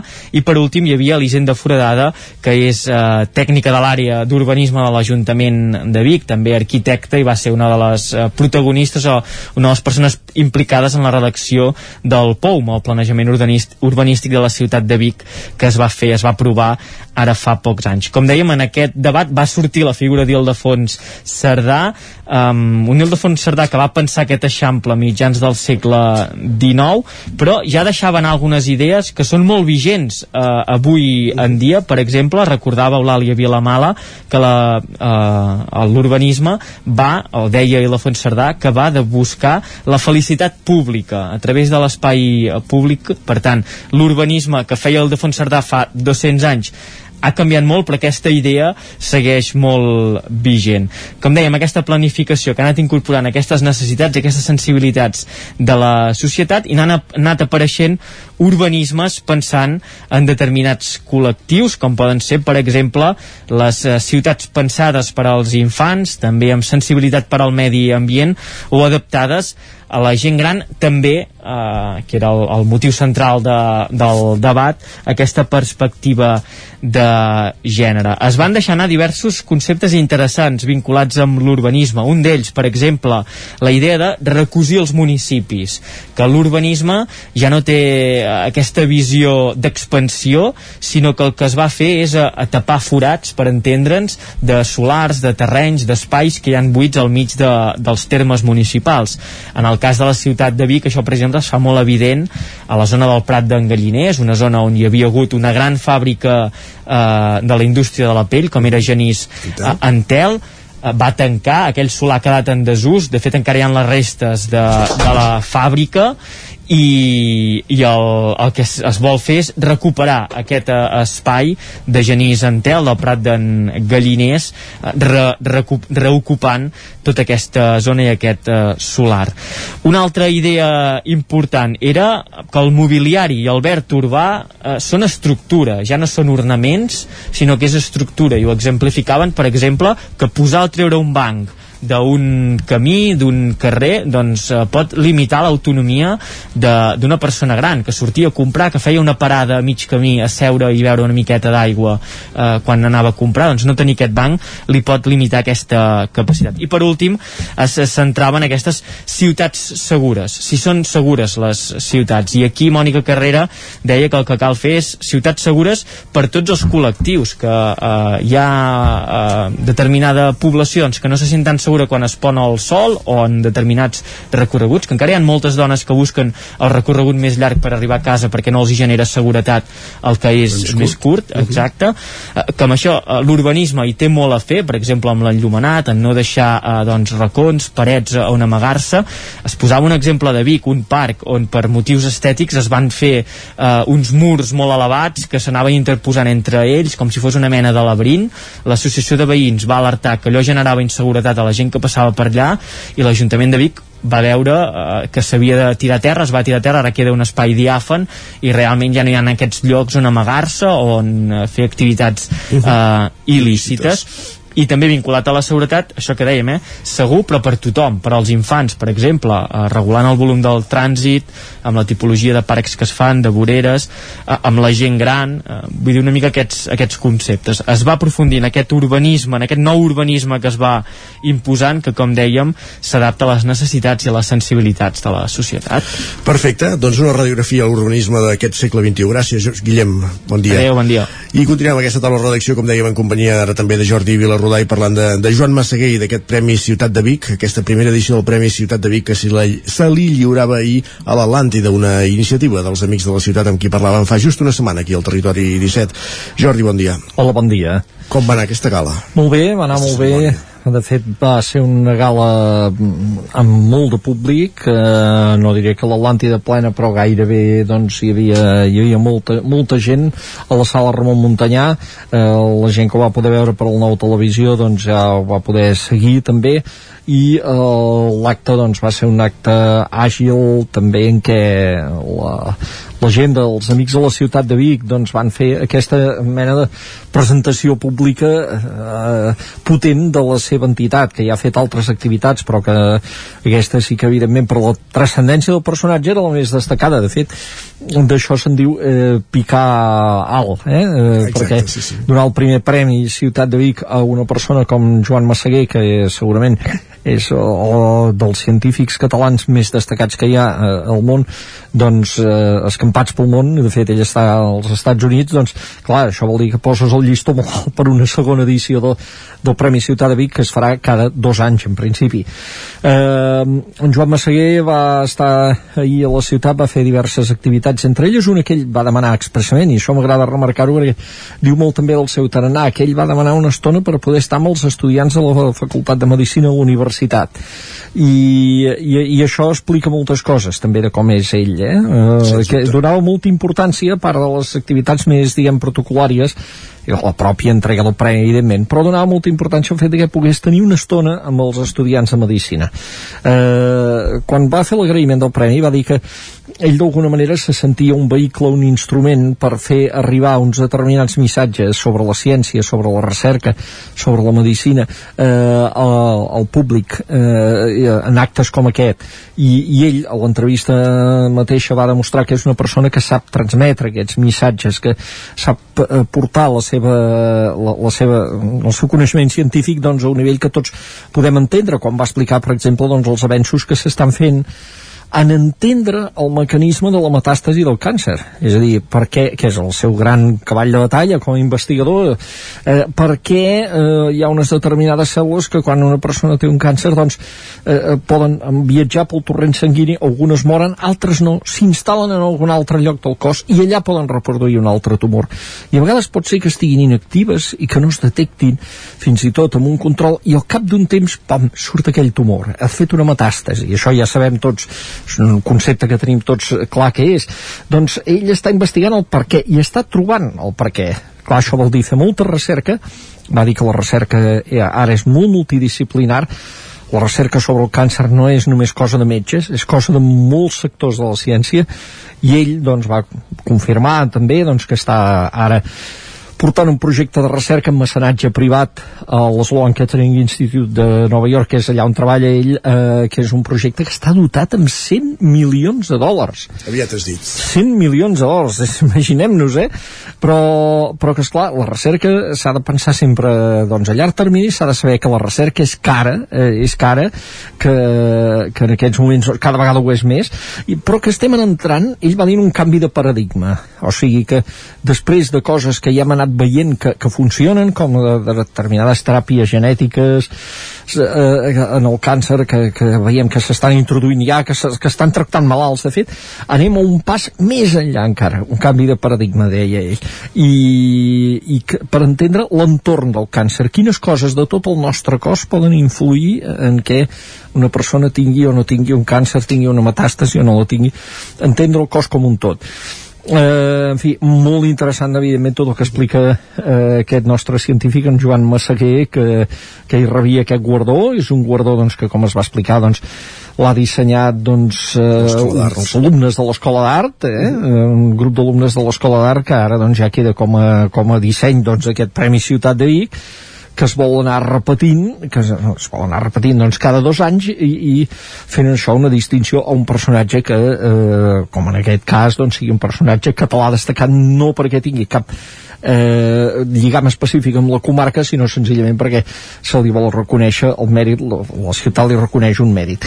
Eh, L'acte va comptar la presència de, del conseller eh, de Salut, Josep Maria Argimon, de la consellera de Recerca i Universitats, la Gemma Geis, i de la presidenta del Parlament, la Laura Borràs, que per cert, com ella ve d'un altre món, tot i que va dir que la seva família, el seu pare era metge, la seva família està voltada de metges, ella ve del món de les lletres i per això potser va acabar recitant un fragment d'un poema d'en Lluís Solà Sala. Molt bé. Doncs moltíssimes gràcies per acostar-nos a aquest, a aquest acte i aquesta figura de Joan Massaguer, en un acte, per cert, copresentat per Jordi Vilarrodatge i Vilamala. Vinga, uh, acabem aquí aquesta taula de redacció, moment de parlar de música tot seguit al Territori 17.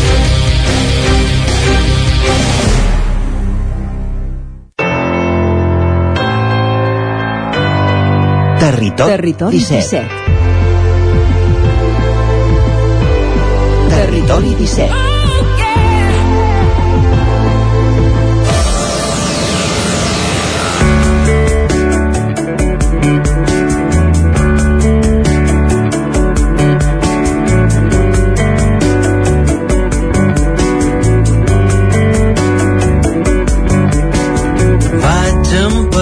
A motor vegetal, mineral, no és igual, te volant ves vent, que te puja, te baixa, te gira de panxa corrent, alterna i corrent, normal i corrent.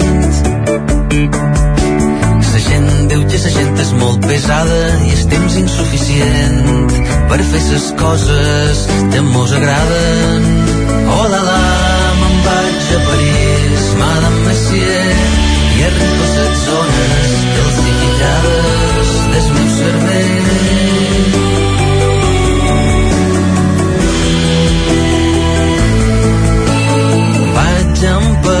a motor vegetal... Oh la una de les cançons de Un minut estroboscòpica, el retorn dels Antònia Font, amb nou disc aquest 2022, i d'aquest disc parlem ara Jordi Sunyer, eh, en aquest espai que fem un cop al mes per parlar d'actualitat de la música de casa nostra. Exacte, novetats eh, discogràfiques d'àmbit nacional i segurament un dels llançaments més destacats d'aquest 2022 serà aquest Un minut estroboscòpica, un títol impossible, però bé, possible en mans d'Antònia Font, Exacte. perquè ja sabem que uh, verbalment parlant eh, no, no van pel camí recte ni pel camí del mig, sinó que trepitgen viaranys sempre curiosos i diferents i divertits. Pels, els camins d'Antònia Font. Exacte, exacte. Això vol dir que aquest retorn, diguem que l'han fet amb un disc 100% Antonio Font, és a dir, no han optat per fer una cosa facileta, de pop convencional, seguint una mica en la línia d'altres bandes, sinó que han recuperat l'essència que havia caracteritzat des de sempre la banda mallorquina. I que els hi ha I- resultat sempre Ah, de exacte. grans cançons. I tant, i tant, perquè ens hem d'enganyar, és a dir, són fidels a, a la seva essència, però perquè, evidentment, aquesta essència els ha fet com són, els ha fet peculiars, els ha fet destacats i els ha fet segurament ser una de les bandes més influents de la història del pop eh, català. Situem-nos breument per això. Els Antonio Font van plegar veles, en teoria, ja fa 8 anys i mig, Isaac, aviat és dit, es van acomiadar. Se'ls ha trobat a faltar. Uh, sí, sí, sí, això seria un altre tema, però bé, mm, van dir que estaven cansats, que plegaven, uh, van treure també un, un darrer disc, això sí, però van plegar veles, i cadascú va fer la seva vida. El Joan Miquel Oliver, el ideòleg uh, i compositor de totes les peces, doncs va arrencar una carrera en solitari, que per cert ja tenia engegada, eh? ja havia Sí, fet sí. algun disc en solitari, però diguem que va potenciar aquesta faceta. El Pau de Bon, que és el cantant, també aquest, aquest eh, segell tan inconfundible del Pau, eh? doncs es va dedicar a facetes que no tenien res a veure amb la música, Mhm. va passar per la gastronomia, entre d'altres detalls, i ara continua treballant al tercer sector. Amb, Molt bé. Uh, bé, i tot d'un plegat per això va arribar fa ja gairebé 3 anys o 3 anys i mig un concert que es va muntar a Palma sí. uh, un concert uh, suposo, no sé si recordes eh, que a les illes hi va haver bastant de merder com ara hi ha merder amb el català a l'ensenyament doncs a les illes hi va haver un moment que també es va, hi va haver força merder en aquest sentit. Moltes vagues, els docents es van mobilitzar i molt per mantenir evidentment doncs la, bé, el català com a llengua vehicular de l'ensenyament a les illes tant a les Balears com a les Pitiuses, i arran de tot plegat es va fer un concert per la llibertat d'expressió a Palma, on hi havia unes quantes patums de l'escena de les illes, i clar, eh, van contactar els organitzadors amb Antònia Font i els van dir, ei, eh, ens voleu donar suport a aquesta causa, i Antònia Font no s'ho van ni pensar i van dir, va, sí, farem quatre cançons i prou, però ja venim i ens sumem a la causa. I resulta que aquella trobada, que van fer quatre cançons sense ni assajar, això ho expliquen els mateixos músics, que es van trobar Sí, just la mateixa ja tarda, sabien. ja sortien soles, van fer quatre cançons i arran d'aquella trobada va néixer el Cook de Ei, i si tornem? I aquell Cook, doncs, d'una cosa gairebé així, bé, com aquell que diu casual, Sí. doncs eh, va anar prenent forma i eh, l'estiu passat van dir, va, sí, tornarem, però no tornarem per fer un revival i forrar-nos i fer quatre concerts, sinó que si tornem ha de ser amb un disc nou i això sí, amb concerts. I amb cançons com aquesta? Escoltem més cançons, va.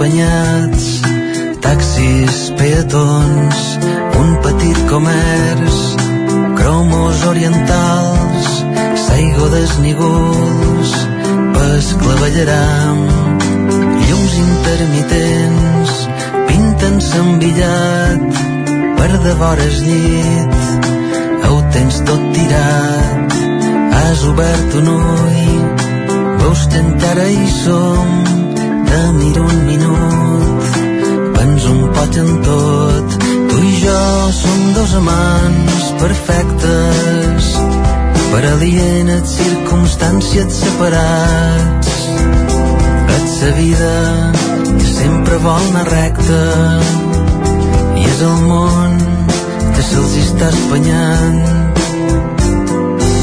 un estel brillant.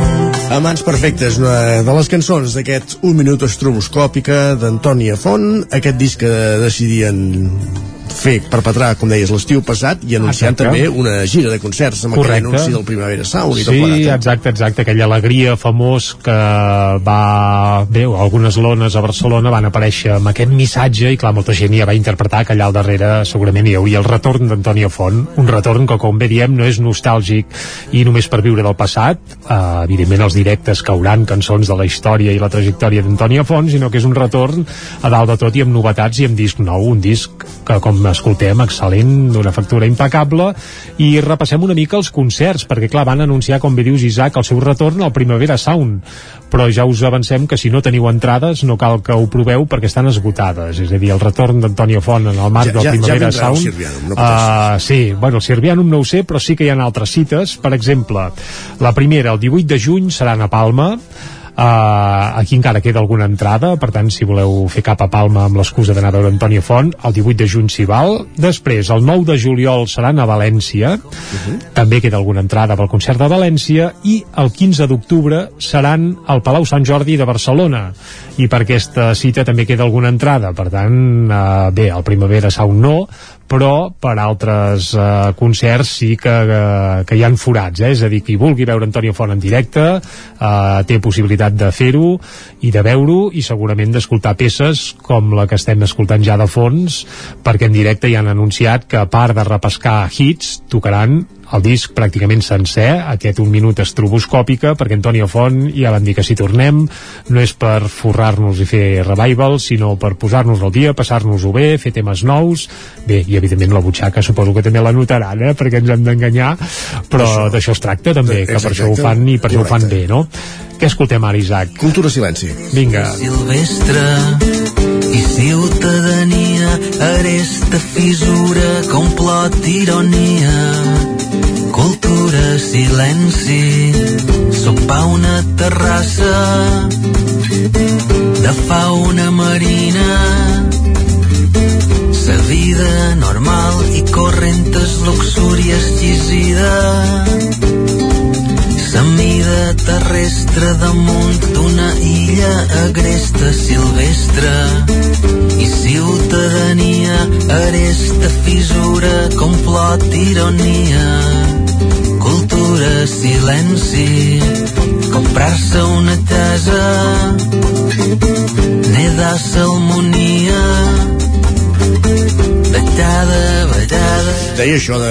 Ja els veurem al Sirviano perquè un dels concerts més memorables que recordo d'ells precisament va ser el Teatre Sirviano de Torelló i n'hi ha molts d'altres segur I eh? acompanyats potser d'una orquestra de corda, eh? que Ah, sí, que a la sí, gira sí. de coser i cantar. Correcte, era la gira del Coser i Cantar, sí, Jo també hi era. Ja faries això. gran, gran concert, a més acompanyats d'una petita orquestra de cambra que la veritat és que contribuïa No, a engrandir encara més el seu al llarg de la gruix sonor. És el que anava a dir, al llarg de la seva trajectòria han fet coses com aquesta, no? fer un disc doble amb tots els seus èxits, amb bona part de la seva discografia eh, amb arranjaments amb orquestra de cambra que això va ser aquest Cosine Cantar que va ser una, una altra de les joies de, de la seva trajectòria I tant que sí.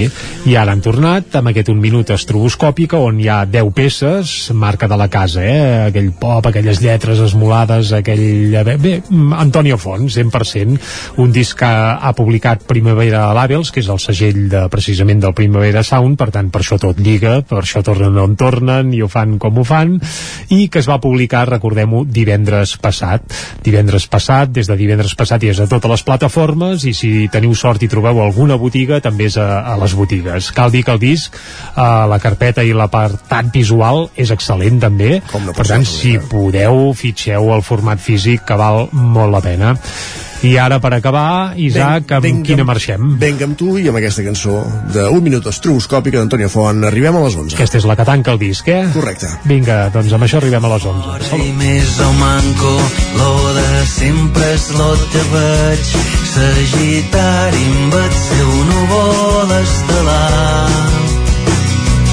Sento un cotxe més amunt, veig un llum a dins la mà. De ses coses n'estic molt acostumat. Però el gruix de l'existència me té un pot embullat. Si és finita sa matèria t'hi deu va un pot més enllà. I quan veig el meu futur amb els seus interrogants. D'una sola cosa estic segur vent amb tu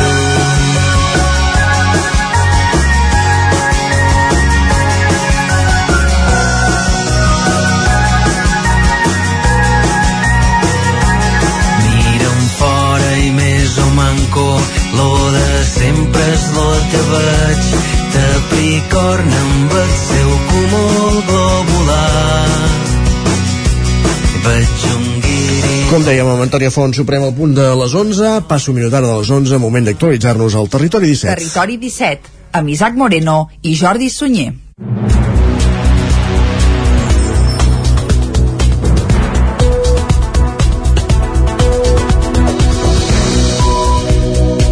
El sector primari de Catalunya es torna a fer sentir aquest cap de setmana a les portes de centres de la gran distribució de tot el Principat. Sota el lema La pagesia diu prou i convocats per Unió de Pagesos, una vintena de, tra de tractors es van concentrar dissabte durant gairebé dues hores a l'esclat de Malla.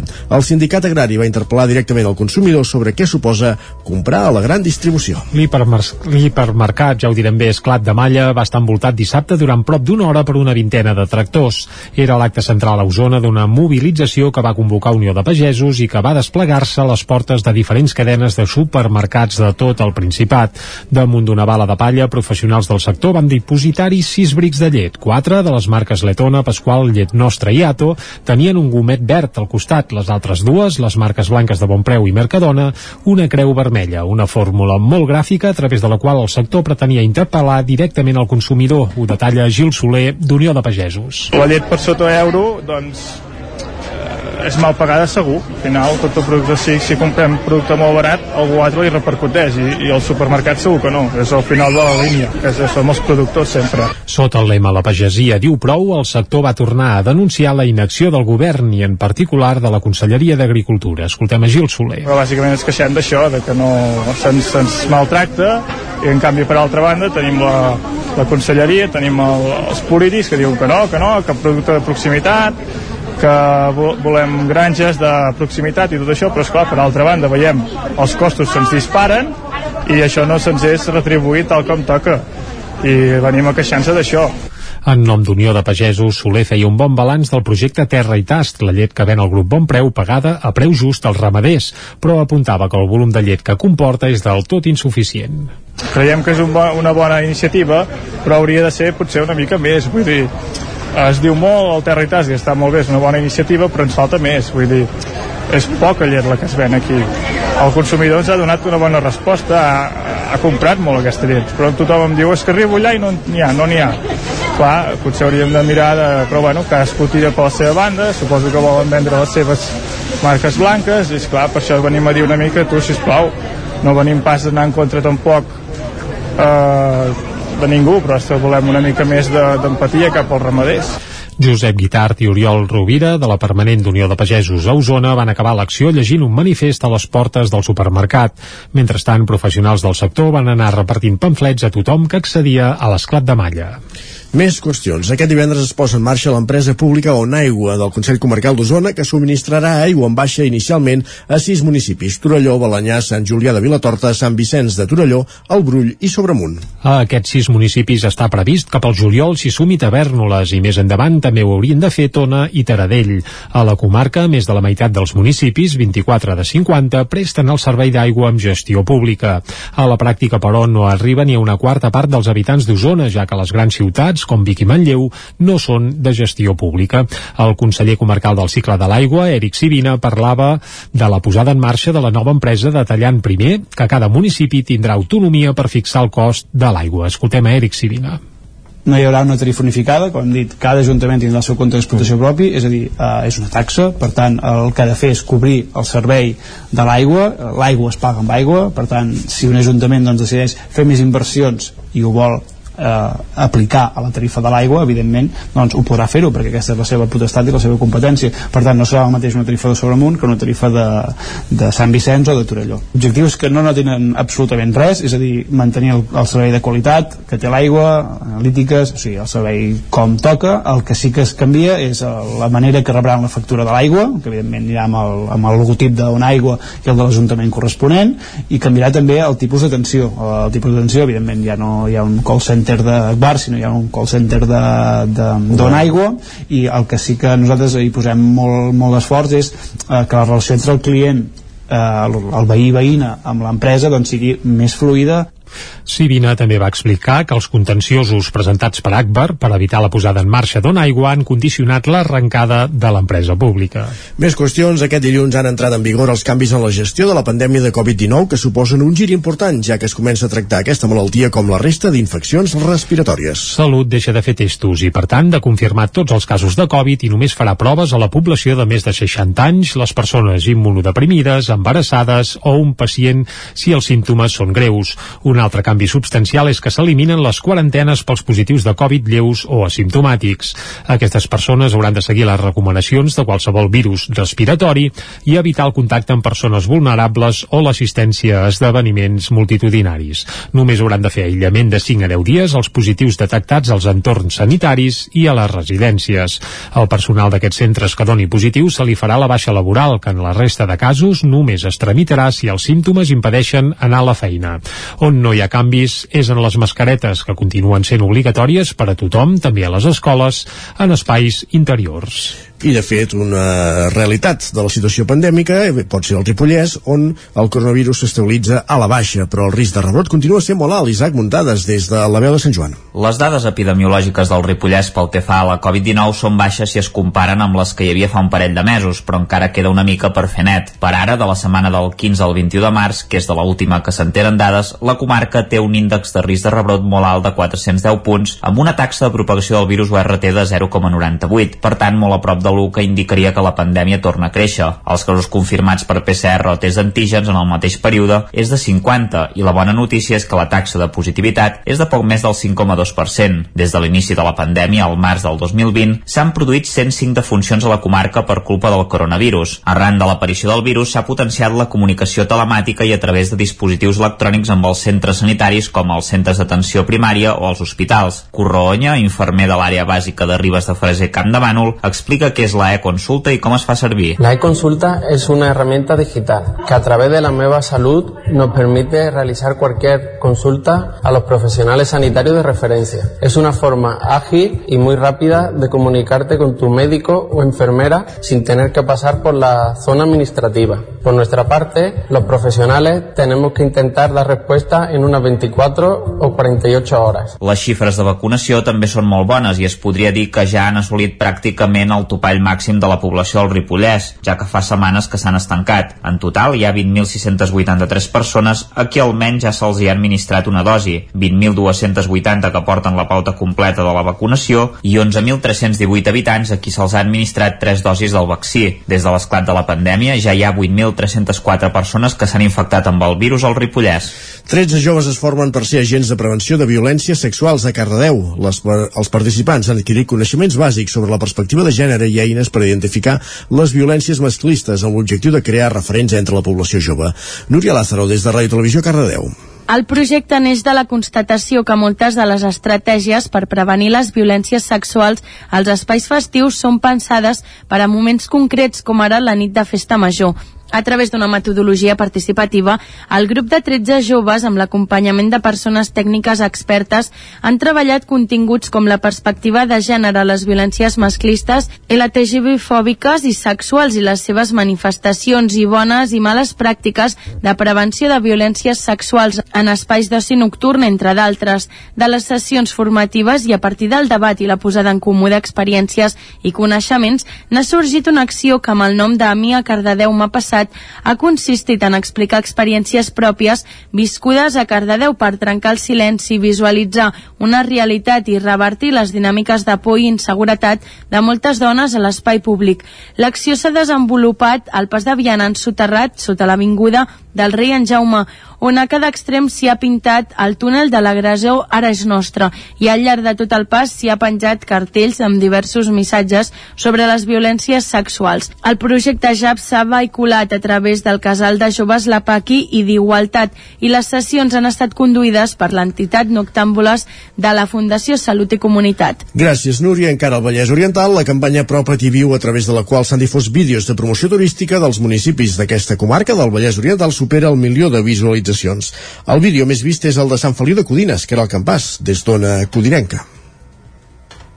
La campanya Apropa't i Viu, impulsada des del Consell Comarcal del Vallès Oriental i que consisteix en la difusió de 40 vídeos de promoció turística, cadascun d'un municipi de la comarca, ha superat en conjunt el milió de visualitzacions a la pàgina que els agrupa a Facebook.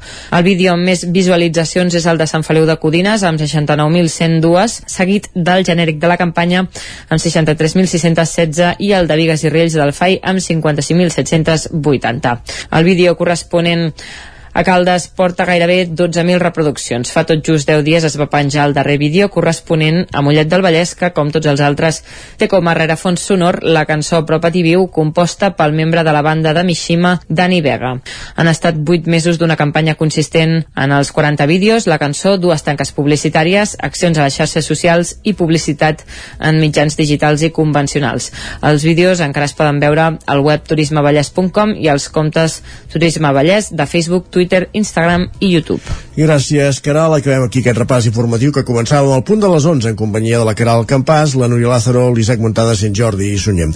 El territori 17 continua. Tot seguit parlem d'economia com cada setmana amb Joan Carles Arredondo.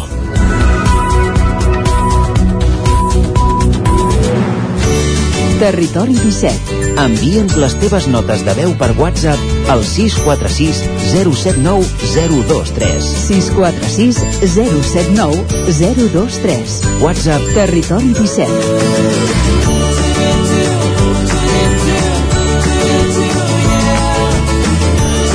Territori 17. Som a Facebook, Twitter i Instagram amb l'usuari Territori 17.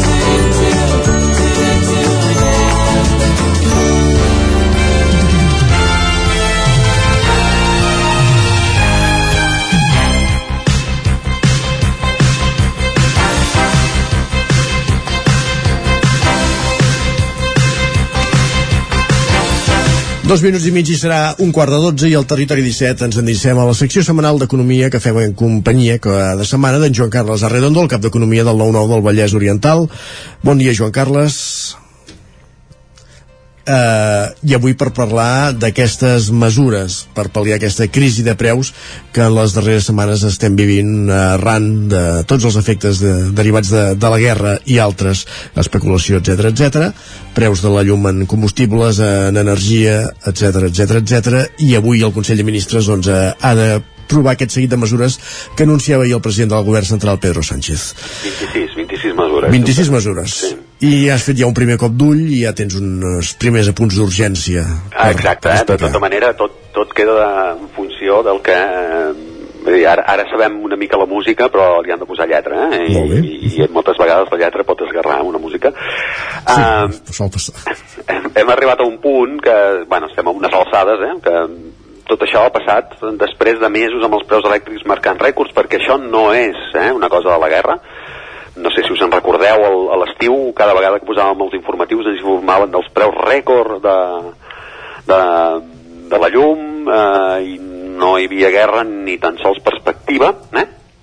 Uh -huh. Han passat això, eh? han passat mesos des de llavors, tenim un mes de, de guerra a Ucraïna, un mes, han passat ja 34 dies o 35, uh, tenim el sistema pro- productiu greument tensionat, eh? les economies domèstiques amb equilibris inestables, i ha sigut després de tot això que el govern espanyol s'ha dignat a posar sobre la taula algunes mesures pal·liatives, eh, sobretot que, que sobretot afecten el mercat energètic eh, tenim un mercat energètic marcat eh, per vells desajustos eh, que, que han, han estat llargament apuntats no, no, no hi entrarem gaire però eh, tornem una altra vegada a això del preu de la llum, la, ma la marca la font energètica més cara que estigui en aquell moment uh -huh. i que això dona peu a, a això que en diuen beneficis caiguts al cel perquè hi ha determinades, eh, eh, determinades fonts energètiques que no han de pagar eh, drets de CO2 i en, que, que són el que més encareixen el preu i, i això ho posen en el sistema però com que es paguen el, en el preu més car mm, eh, Són beneficis al final.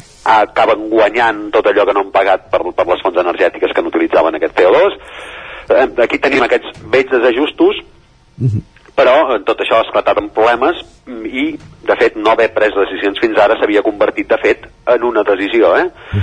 De fet, estaven a l'espera de negociar amb Europa, no? De que, que els donés carta blanca per poder-se desenganxar de- precisament d'aquest criteri de, de, de deslligar l'electricitat del gas. cosa que no aconseguit. D'altra banda, eh, el que ha aconseguit és que et converti... eh, ara resulta que la península ibèrica no és península, és illa, eh? Veus? Energèticament és una illa, eh, s'ha convertit en una illa ibèrica eh, i amb això han aconseguit que els deixin no deslligar el preu del gas de, del preu final, sinó poder fixar, probablement el que passarà serà que es fixarà un preu màxim del gas si ho autoritza la Unió Europea això també està per veure, en principi si t'han autoritzat a, a convertir-te en una illa eh, per saltar-te els accidents geogràfics, eh, diguem-ne eh, en principi t'haurien de poder també deixar fixar un preu màxim del gas i que llavors el, el, el preu de l'energia tendeixi a la baixa, a veure si, a veure si això s'aconsegueix. Eh, doncs dèiem això, eh, que el fet, el fet de no prendre decisions, perquè s'estava molt a l'espera de que d'acordar amb líders europeus la possibilitat aquesta i no es prenia cap decisió mm, quan en altres països sí que s'estaven prenent. Uh, I llavors és probable que moltes d'aquestes mesures entrin en vigor l'1 d'abril uh, Tres setmanes tard. cal esperar que no sigui massa tard. Uh, en espera que això, eh? Estem en espera que es posi lletra a la música, avui, avui començaran com a mínim a fer el primer esbós de la lletra.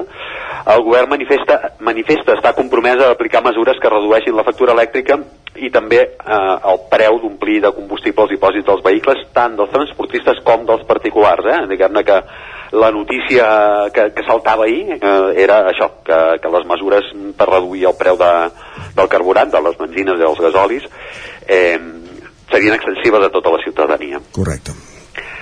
I això passa perquè estem en una situació excepcional i en situacions excepcionals el que calen són mesures excepcionals. Eh? Um, I el que dèiem, només cal que esperar que no s'hagi fet tard a aplicar-les, eh? perquè les setmanes que han passat sense prendre mesures només havien generat incomprensió, quan no suspicàcia, eh? que, que no hi hagués aquí una certa complicitat eh, amb, amb, amb determinats grans grups energètics. Grans grups energètics que, per cert, l'any passat, si comptes tot el sector energètic, no només les companyies elèctriques, eh, els beneficis se'ls va, se va multiplicar per 4. Eh, una mica el que dèiem això dels beneficis caiguts al cel. Sí. Doncs multiplicar per 4, déu nhi eh? Uh, Podríem fer dividends amb tota la ciutadania, eh? Sí, i, la, la, si només comptes les energètiques, ah, perdó, les elèctriques, aquí hi, hi, entra Repsol i tot això, en el, el còmput energètiques, si només comptes les elèctriques, l'increment no, no és tant com multiplicar per 4, però sí que és un increment d'un 40%, que moltes empreses voldrien incrementar un 40% els beneficis, eh? En fi, eh, anem, anem una mica al tema de les línies, de, de, de, de, de, de les línies que, que s'han d'acordar avui. Eh? Um, el pla del govern és posar sobre la taula 16.000 milions d'euros. Eh? Aquest és el titular que donen. De fet, hauríem de dir que en són 6.000 eh, de milions, perquè n'hi ha 10.000 d'aquests que són en forma de crèdit, que per més que siguin favorables i que tinguin l'aval de l'Institut de Crèdit Oficial, no deixen de ser crèdits. I no deixen de ser crèdits vol dir que s'han de pagar amb interessos. Eh? Sí, sí. Eh, de manera que sí, és veritat, eh? condicions avantatjoses i per tant una mica sí que eh, afecten la butxaca de l'Estat, diguem-ne, però no tant com els ajuts directes, que això sí, són 6.000 milions, eh? per tant 16.000 milions, vale, eh, ho, ho, ho comprem, però posem una mica de sordina també. Eh? Sí. La part més sucosa ja s'havia anat explicant amb l'acord firmat amb la, amb la part dels transportistes, per cert, una part dels transportistes que no era la que estava protagonitzant les aturades que han posat en dificultats cadenes de subministrament eh, això de, negocies en segons qui, eh, negocies amb nom de tercer i a vegades t'acaben no sortint bé. Eh? Sí. A, a, aquesta mesura en, que, que, que deien d'ajut a omplir els dipòsits dels transportistes arribarà a tota la ciutadania, tal que el que s'ha acordat és que hi haurà un descompte de 20 cèntims per litre de carburant, tres quartes parts dels quals, eh, d'aquests 20 cèntims, 15 cèntims, provindran de l'Estat, eh, que els posarà, diguem-ne, directament, eh, via pressupostos, i, que, i això té un cost estimat en els propers 3 mesos, que és quan, quan dura aquesta mesura, és fins al 30 de juny, de 1.275 milions d'euros. Eh? Són dades de l'agència tributària. Eh, I les petroleres hauran d'assumir una quarta part del cost. L'altra gran mesura provindrà del compromís que va assumir la Unió Europea, que estàvem parlant ara al principi, eh, de tolerar que Espanya i Portugal tinguin aquesta consideració d'illa energètica i puguin posar límits al preu del gas, que és el que considera que està al darrere d'aquestes fortes pujades en les últimes setmanes, que com dèiem abans seria millor dir mesos. Eh? Eh, es pot esperar que aquesta mesura tingui un impacte a curt termini, però no deixa de ser això, eh, una solució conjuntural diguen així, de manera fina o diguem pedaç, de manera menys, menys fina, no? Perquè el, el, el, el problema de fons és la fórmula de càlcul dels preus i aquesta no ha variat. Eh? Uh, sigui com sigui, si baixa la factura i s'aconsegueix complementar amb l'extensió del bo social, eh, que a més famílies, benvingut, benvinguda sigui, és una vinguda provisional també, tan provisional com la mateixa mesura. Uh, el pla preveu injeccions directes a sectors fortament afectats per la crisi energètica, uh, però són de destacar algunes iniciatives més aproximades a la ciutadania en general, eh? no només és una cosa que vagi a empreses, que, que ja seria un element, diguem-ne, de, de, de pes, sinó que també arriben a tota la ciutadania. Perquè més enllà de la rebaixa del preu del carburant, eh, hi ha dos aspectes que són interessants, diguem-ne, de cara al, al que és la butxaca del ciutadà, no? El primer és que les actualitzacions dels lloguers no puguin anar més enllà del 2%. Eh? Eh, sabem que el lloguer es compta, la majoria de lloguers tenen un contracte pel qual el, la revisió que es fa anualment es fa en funció de l'IPC de l'any anterior, o, no, o de, perdó, del, del trimestre en, en, en curs, no? Tenim un IPC desbocat, eh, amb, set, amb menys del 7,5%, amb menys desconeguts en 40 anys, eh, i per tant, diguem-ne que per al llogater eh, podia ser un veritable problema haver d'afrontar aquests grans increments. S'ha posat eh, un, un límit al 2%. Ja hem vist alguns sectors de, dels arrendadors, més que dels arrendataris, eh, eh, eh, com a mínim arrufant el nas per això, sí. però, en fi, diguem-ne que són més els, els afectats mm, per, per, per aquesta clatellada que hauria suposat un increment del 7,6%, eh, diguem-ne que hi ha una gran quantitat d'afectats per això, de manera sí, sí. que... I de fet és una congelació temporal, al final, eh? Sí, sí, clar, estarà per sota de, del que és l'evolució del preu de la vida. Sí. El segon, el segon tema que també resulta interessant és que, com ja va passar amb la pandèmia, s'estiguin arbitrant mecanismes per evitar acomiadaments massius. Uh, tenim aquestes fórmules alternatives, com les regulacions temporals, els ERTOs, sí. que poden contribuir a parar el cop que podria suposar per les empreses mantenir l'ocupació com, com si els costos no se'ls estiguessin disparant, i per als treballadors eh, és una sortida que evita que siguin acomiadats, poden anar tenint ingressos i, i en canvi eviten ser acomiadats per, per causes que li són completament alienes, diguem-ne que no hi ha cap treballador que hagi provocat cap guerra ni res, no? Eh, hi ha més mesures, eh? Un increment de l'ingrés vital, l'extensió de la reducció de l'IVA en les factures elèctriques, eh? Tot, tot això són, són coses que afecten, diguem-ne, a la butxaca del ciutadà i que són interessants que es puguin desenvolupar, no? Sí. Eh, per tant, arribem a un punt en què la música, com a mínim, diu això, eh, que hi haurà més protecció en un context difícil. Eh, seria una fita remarcable si no fos, per, com dèiem al principi, perquè ha arribat tard, quan molta part del mal ja està fet. I, d'altra banda, són mesures certament costoses que s'han de, de, de, de prendre quan la factura de la Covid encara no estava del tot pagada i, per tant, l'endeutament de l'Estat, que ja havia arribat però enfilat a la pandèmia, tot s'ha de dir, es pot acabar convertint en una preocupació eh, diguem-ne que, com, com dèiem abans, eh, tot, tot crèdit s'ha de tornar i, sí. per tant, tot deute que, que pugui tenir l'Estat també s'ha de tornar. Correcte. Per això, en els últims dies han sortit veus assenyades a criticar la campanya demagògica empesa per la dreta suposadament seriosa, diguem-ne diguem així, diguem-ne Partit sí. Popular, eh, sobre els impostos dels carburants. El cap de setmana passat es va fer virals els tuits mm, en, en els quals, sense cap rubor, es deia que el 57% del que paga el ciutadà per cada litre de carburant se'l s'endú Sánchez. Sánchez, mm, no l'Estat, no, sí, sí, Sánchez, mm, que és la versió sofisticada, per dir-ho d'alguna manera, el Sánchez se està forrando que va ser el futur president del, del partit aquest, eh, del PP a l'Estat, Alberto Núñez Feijo. Sánchez se està forrando. És tan, és tan obvi que Sánchez no es forra que ni es queda el 57 mm, euros a cada 100% que es poden posar al dipòsit, no, és tan obvi, és, és tan obvi dir que no se'ls està quedant Sánchez que gairebé fa vergonya haver-ho d'aclarir. Uh, el problema, al fons, és que aquesta és la concepció sobre els impostos que es pretén que s'estengui, no? I sí, sí, sí, aquest és el problema. Veritablement sorprenent que vingui d'un partit suposat, que suposadament té vocació de govern, no?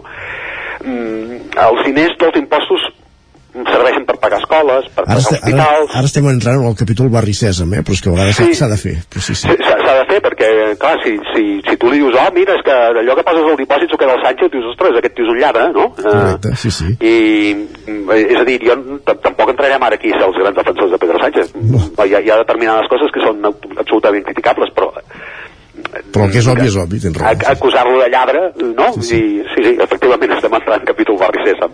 No? Eh, eh, això, eh? Paguen escoles, paguen hospitals, i també paguen aquestes mesures que estan intentant, amb, amb les quals estan intentant pal·liar eh, els efectes de la crisi energètica i de subministraments actuals. Mm, i, i que, que de fet era el PP el primer que estava reclamant que es prenguessin aquestes mesures eh? I, i ho feien sí, amb sí, prou sí, però és el fet aquest de dir s'han de baixar preus, baixem impostos bueno, hi ha altres maneres de baixar preus, no només tocant la fiscalitat, no? Que, clar, perquè és que si no ens trobarem amb aquestes dificultats ja no, no, no només per pagar deute que per cert des del 2000 des de la crisi financera és, és el primer que has de pagar eh? Eh, però si no que has de pagar tots els serveis que, que, que, que constitueixen el que en diem estat de benestar no? per tant, eh, quan es fa la malàgia amb els impostos es fa un favor petit al col·lectiu i sobretot a la igualtat eh? I, i està clar que eh, jo quan vaig veure aquests tuits vaig pensar home, no tot s'hi val i no tot s'hi hauria de valer Correcte, doncs ens quedem amb aquesta conclusió. Joan Carles, gràcies per ser una setmana més amb nosaltres. I gràcies a vosaltres. Bon, bon dia. dia. Hem parlat d'aquestes mesures que avui hauria d'aprovar el Consell de Ministres per pal·liar els efectes de la puja de preus que s'està patint els darrers dies i que ha tingut aquest agreujant, s'ha vist agreujada aquest increment de preus, aquesta tendència dels últims mesos, com explicava en Joan Carles, arran dels efectes de, de la guerra, de la invasió de Rússia sobre Ucraïna. Amb aquestes conclusions arribem al punt de fer una pausa i a dos quarts tornem al territori 17 per encarrar, encarar la darrera mitja hora de programa. Fins ara mateix no marxeu. El 9 FM, la ràdio de casa, al 92.8. Del 8 al 10 d'abril torna al Mercat del Ram de Vic amb més il·lusió que mai. Hi trobaràs un munt de propostes familiars i professionals, com el primer congrés Vic dedicat a la de bioeconomia, els espais terra i cuina i la casa de pagès, o la mostra de productes artesans. Consulta la programació a vicfires.cat o xarxes socials i descarrega't l'app per no perdre't cap novetat. Torna al Mercat del Ram. Passa-ho. Arriba la primavera i tornen les samarretes. A Gràfic Cert tenim una extensa varietat de samarretes per vestir el teu personal, promocionar la teva empresa, club esportiu, associació... Si estàs organitzant un esdeveniment esportiu o una festa cultural, una samarreta és una bona opció per lluir la teva marca. Ja ho saps, si el que necessites per la teva promoció és una samarreta, Gràfic Cert és el teu proveïdor. I ara també tenim a la teva disposició samarretes 100% reciclades tant de cotó com de polièster. No esperis més i truca'ns al 93 886 12 15 o visita'ns a graficcert.com. Al restaurant Xavito Gastro de Vic hi trobaràs una cuina mediterrània i de mercat amb gran varietat de plats, amb arrossos, carn o peix fresc de la llotja cada dia. Vine a dinar de dimarts a divendres i prova el nostre menú diari per només 15 euros o a les nits de dijous a diumenge tastar el nostre menú degustació amb arrossos i tapes per 25 euros. Restaurant Xamito Gastro. Ens trobaràs al carrer Callnou número 9 de Vic i al telèfon 93 094 1172 o al 747 42 92 58. El racó de León ja és primavera. Gaudeix de la nostra terrassa, vine a tastar les xuletilles de lechal a la brasa amb una bona amanida o el xuletón de vedella gallega. No et pots perdre el nostre lechado de Castilla al forn o el cochinillo a l'estil de Segovia, tot acompanyat del millor celler, al menjador o fora la terrassa. Descobreix la millor cuina de Lleó sense moure't de casa. Vine amb la família, els amics, la parella o sol. T'encantarà. El racó de León, cuina tradicional lleonesa i de mercat. Som al carrer Torelló número 35 de Vic. Per reserves, telèfon 93 889 1950. El racó de León, una cuina diferent. Vols aprendre anglès i viure una experiència inoblidable? Estades per a joves a Irlanda, classes d'anglès i un munt d'activitats, allotjats en família o en residència i convivint sempre amb joves d'altres països. També classes per adults i programes per a tota la família. Tures Language and Travel, especialistes en Irlanda des de 1994. Més informació a tures.cat. El nou FM, el nou FM, el nou FM, el nou FM, el nou FM.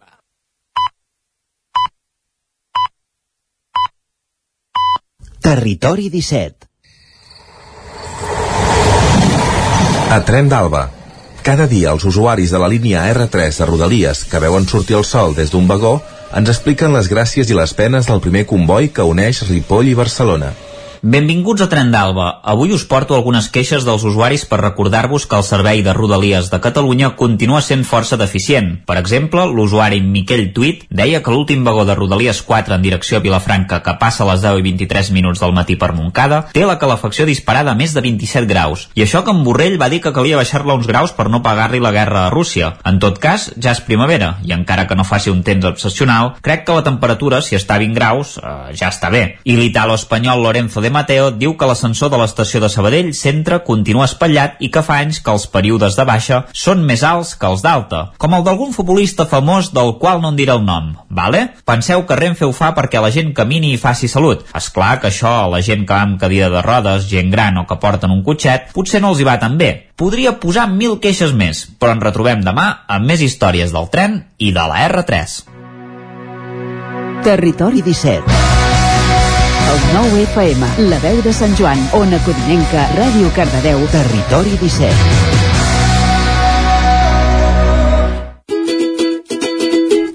El racó de pensar, a Territori 17.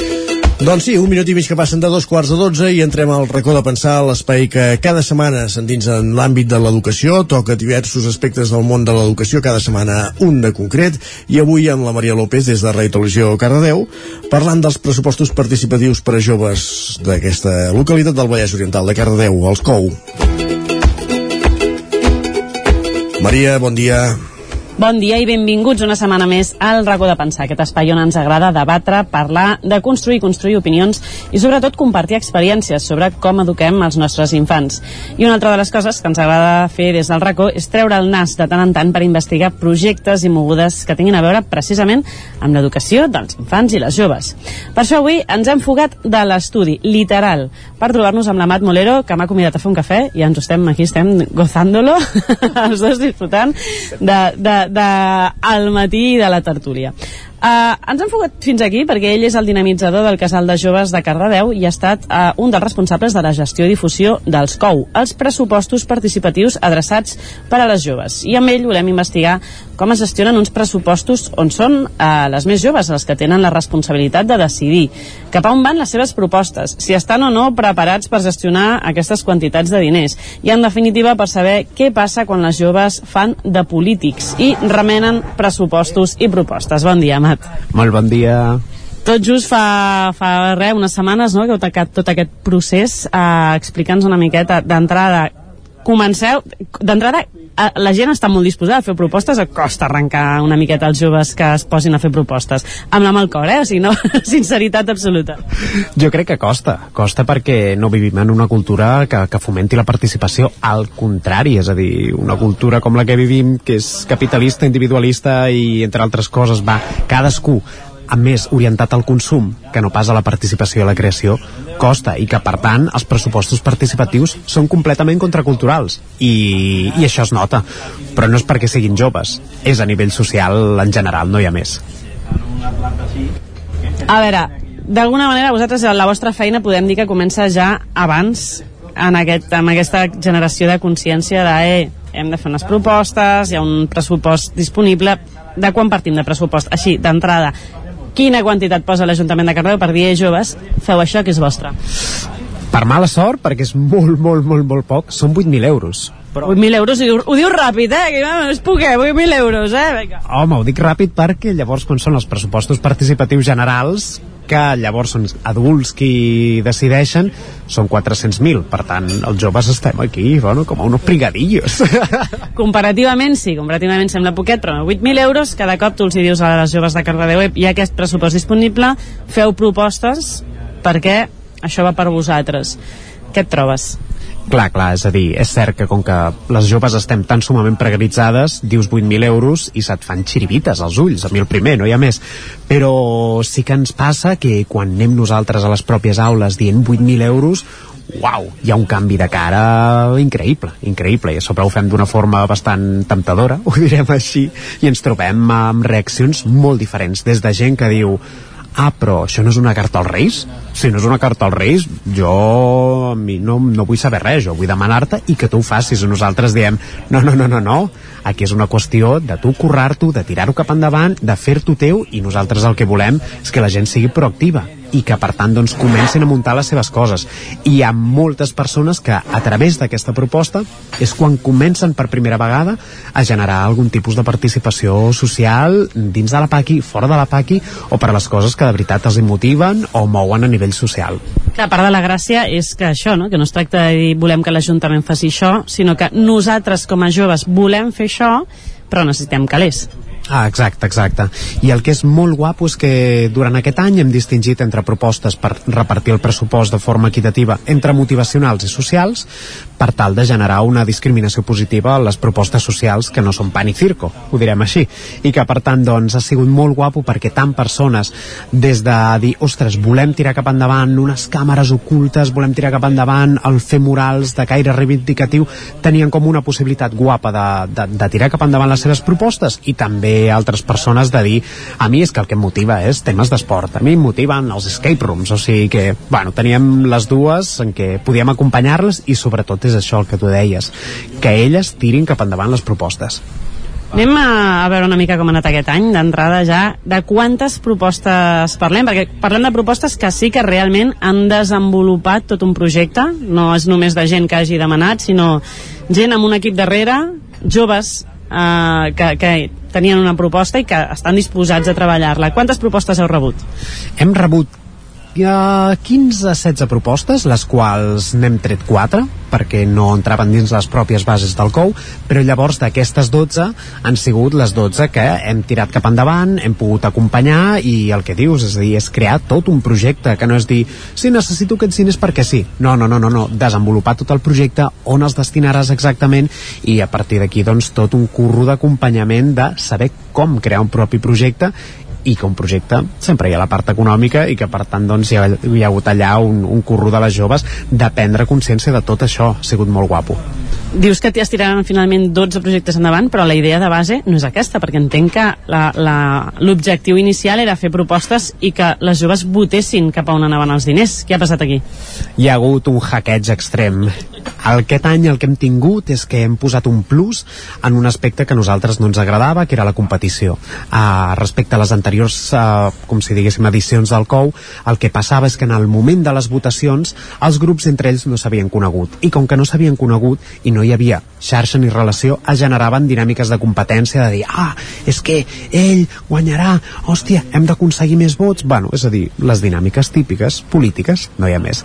I llavors, doncs, què ha passat? Que quan nosaltres hem tirat cap endavant unes jornades de deliberació en què es trobaven entre ells, parlaven, pactaven, fins i tot grups s'unien, o deien, ostres, doncs, podríem nosaltres fer el mateix esdeveniment el mateix dia i així sumem forces, o si tu guanyes, bo, doncs, si tu guanyes i pots comprar aquesta cosa, a mi també em serveix i puc tirar cap endavant el meu projecte. I ha sigut una feina de, de, de cooperació en què llavors ens hem acabat trobant en què van haver algunes joves que van dir i, i per què no ens repartim els diners?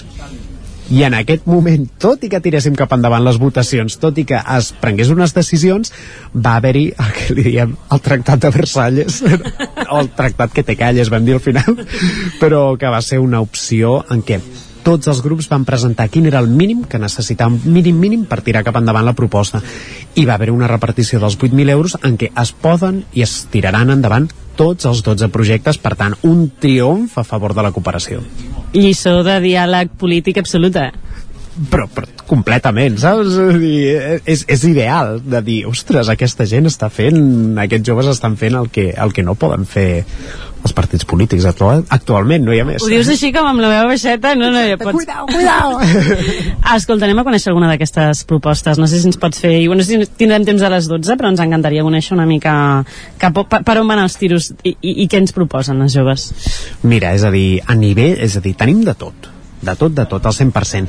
Tenim des de, des de propostes, una proposta preciosa a nivell social, que va ser agafar i pintar diversos murals a Cardedeu, però murals que no fossin qualsevol cosa. Fins i tot les pròpies joves van estar planejant agafar i fer murals de dones científiques que han estat invisibilitzades a la història i que van dir seria guapíssim que quan la gent caminés pel poble no només es quedés embadalida com pot haver-hi doncs, un murals d'aquí Cardedeu com de l'Àriz o el d'aquí a la biblioteca que són preciosos, sinó murals amb una perspectiva social supercanyera i que per tant estem transformant Cardedeu, estem revaloritzant l'art urbà i a part d'això amb un contingut social canyero. D'altre... En aquesta no, aquí el pressupost bàsicament pintura pintura, pintura pura i dura. I llavors, clar, aquí tenim doncs un Lucas que les va ajudar que és un muralista de Cardedeu a tirar-ho cap endavant i com que tenim molta gent que està disposada a fer la seva feina però de forma voluntària i activista perquè veuen la motivació de les joves diuen, no, no, no, només pintura i ja ens ho manegarem, o sigui que també donem més gràcies al suport de, de la xarxa de, de persones que, que estimen el casal de joves o que estimem nosaltres, unes amb les altres.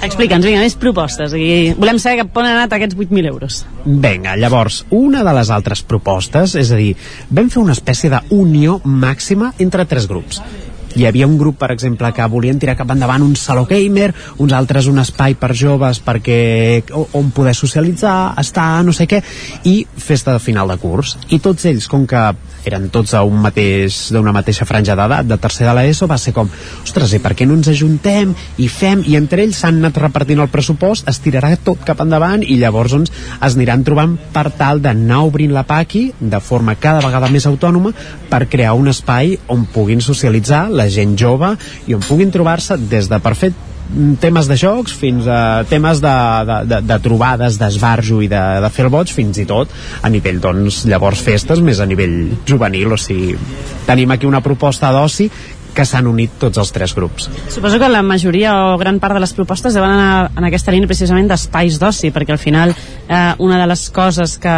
que potser falten a, a Cardedeu és espais de, de trobada, que està aquí la Paqui, però que necessita una gestió darrere per obrir-se, perquè hi hagi gent i, i espais on trobar-se que, per, per no estar a casa de la gent i més amb tot el tema de la pandèmia i on, on poder estar una mica el seu rotllo, per dir-ho d'alguna manera, sense els ulls de uh, mares i pares a sobre, no?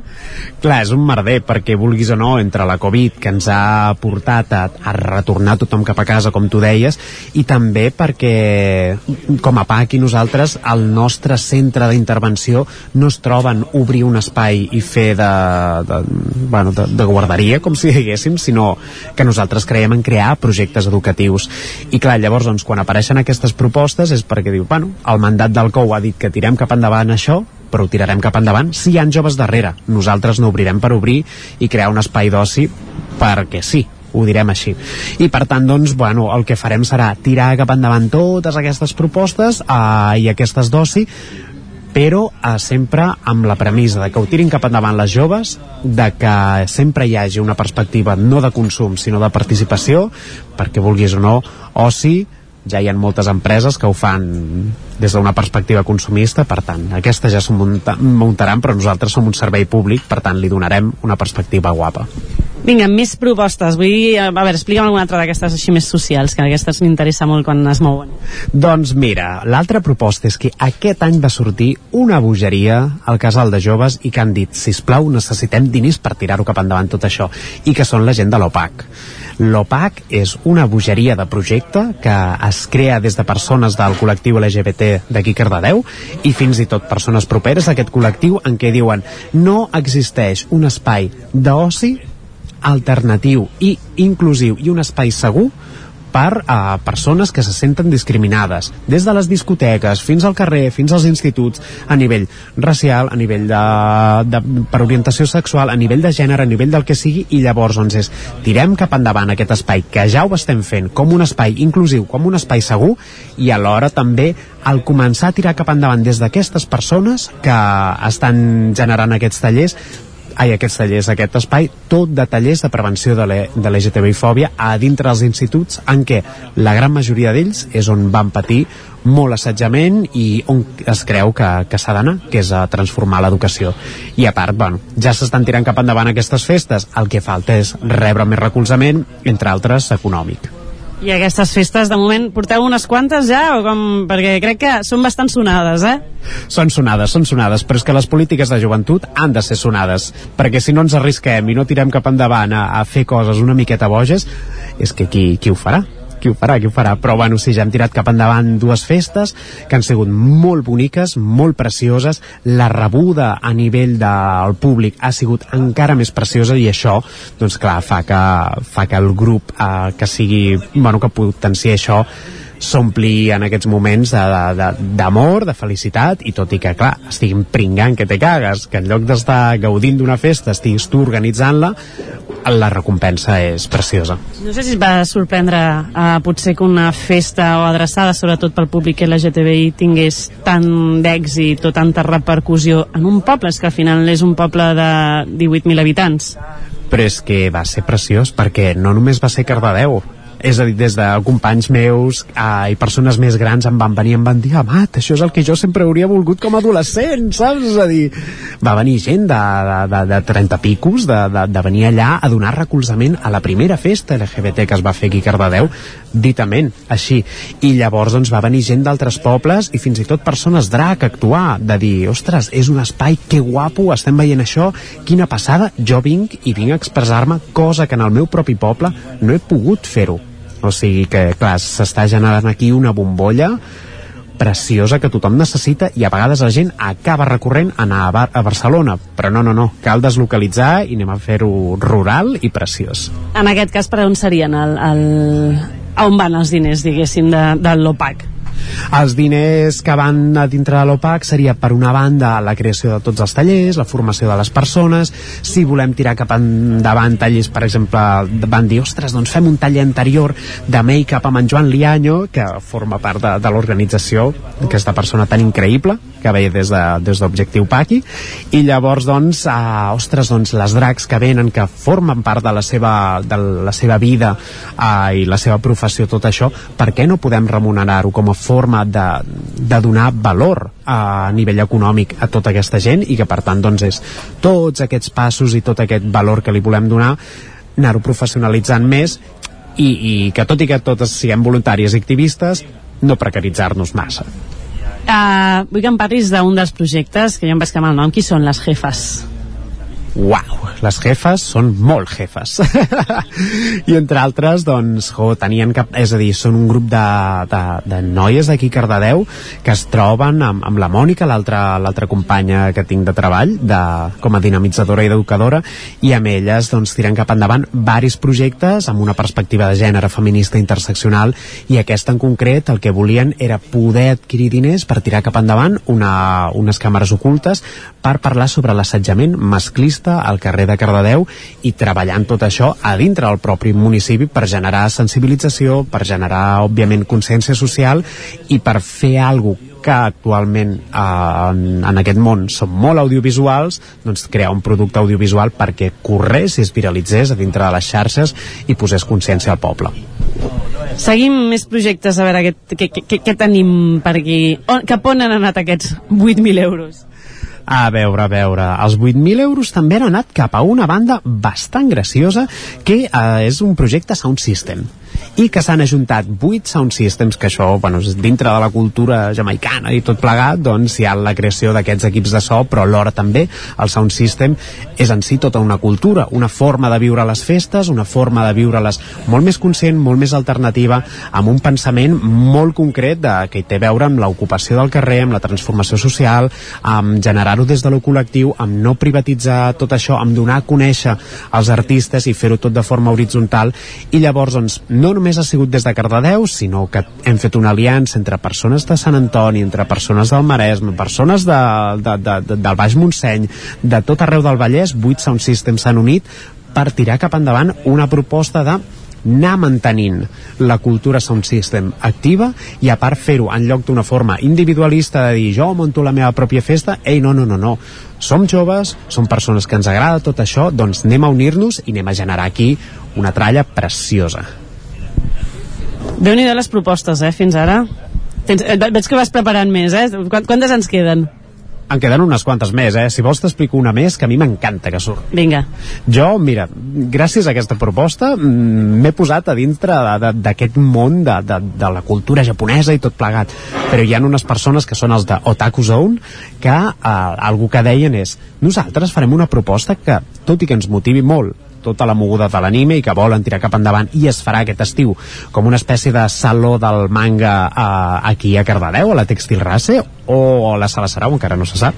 Però a part de la fum, del foment aquest de la cultura japonesa, ens trobem que a dintre de, dels instituts hi ha molta discriminació per, aquesta, per aquest col·lectiu de persones que només l'únic que estan mostrant és que els agrada una cosa, com que t'agrada el futbol, doncs ells els agrada la, la cultura japonesa i tot el que hi té a veure. Doncs han dit, anem a tirar cap endavant, a part d'això, tallers que puguin agafar i frenar aquest bullying que no té cap tipus de sentit. I per tant, doncs, bueno, fer, fer algú canyero amb tots ells i per tant han transformat d'algo motivacional a una proposta social preciosa i, i són un grup increïble. M'estan, bueno, estic aprenent molt. Uh, una de les coses que, que crec que és molt important de, de posar en valor de, de tot el procés del COU és aquesta capacitat que crec que s'està ensenyant als joves, a les joves, per organitzar-se i tirar endavant els projectes ells per la seva, per la seva pròpia banda. Creus que els hi costa organitzar-se? Si suposo que no estan massa acostumats, no? A això de tenir calés per remenar i organitzar-se entre ells i tirar endavant mogudes tan grosses, perquè al final no es tracta de fer un treball de l'institut entre quatre, es tracta de mobilitzar una cosa que s'interioritza i s'implica dintre del poble i afectarà la resta de joves. Això és una bogeria, perquè no es té en compte què és el que suposa a nivell d'aprenentatge participar i participar és que és un aprenentatge increïble, però increïble no a nivell de dir, ai, ens ho passarem molt bé. No, no, no, de competències competències de gestió, competències de coordinació competències de saber com treballar en grup competències de gestió de conflictes. És a dir, és una passada. I que per tant, com que vivim en una cultura en què la gent no està aprenent tot això, és normal que costi. És tot un procés quan llavors ja tens gent i es nota moltíssim qui ve de cau, qui ve d'esplai, que són unes cultures molt més uh, horitzontals, molt més de cooperació, es nota molt que són persones que ja tenen un xip molt diferent a qui ha viscut més un lleure, uns espais de consum pur i dur, perquè tiren més els individualismes i, i, i es nota, es nota, es nota a nivell de creixement. Això és una lluita quasi contra la, la manera de fer de la, de la generació Z, no? I segurament, quantes vegades no haurem sentit allò als nostres pares dir que el nostre, sortíem i ens queixàvem i no sé què, i ara sembla que la joventut està parada, no? La joventut està parada o és només una sensació? Jo crec que són, tot i que canvien moltíssimes coses, crec que en si tots i totes estem molt parades, el coronavirus ens ha més que treparat, i a part d'això vivim en una, en una societat i món en què, en què el fet de reivindicar-se i tirar cap endavant moltes, moltes lluites no és algo que es tiri cap endavant. És problemàtica de les joves? No. I a part, les joves tenen ara mateix molta més consciència de la que jo tenia, per exemple, quan jo era jove.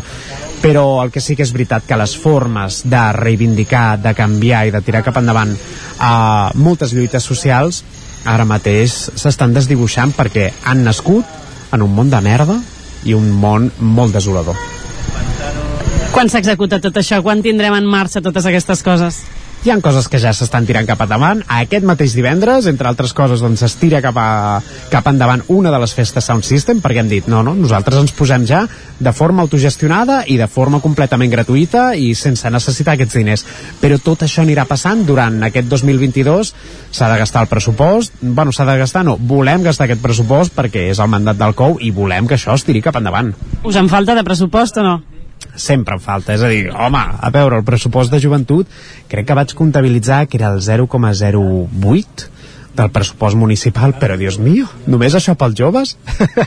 I per tant, doncs jo crec que, que falta pressupost perquè, perquè diem que les joves són el futur cada dos per tres, doncs llavors que es destinin al pressupost que, que, que necessiten les joves, perquè si volem que siguin el futur els hem de donar el poder de que l'escollin elles.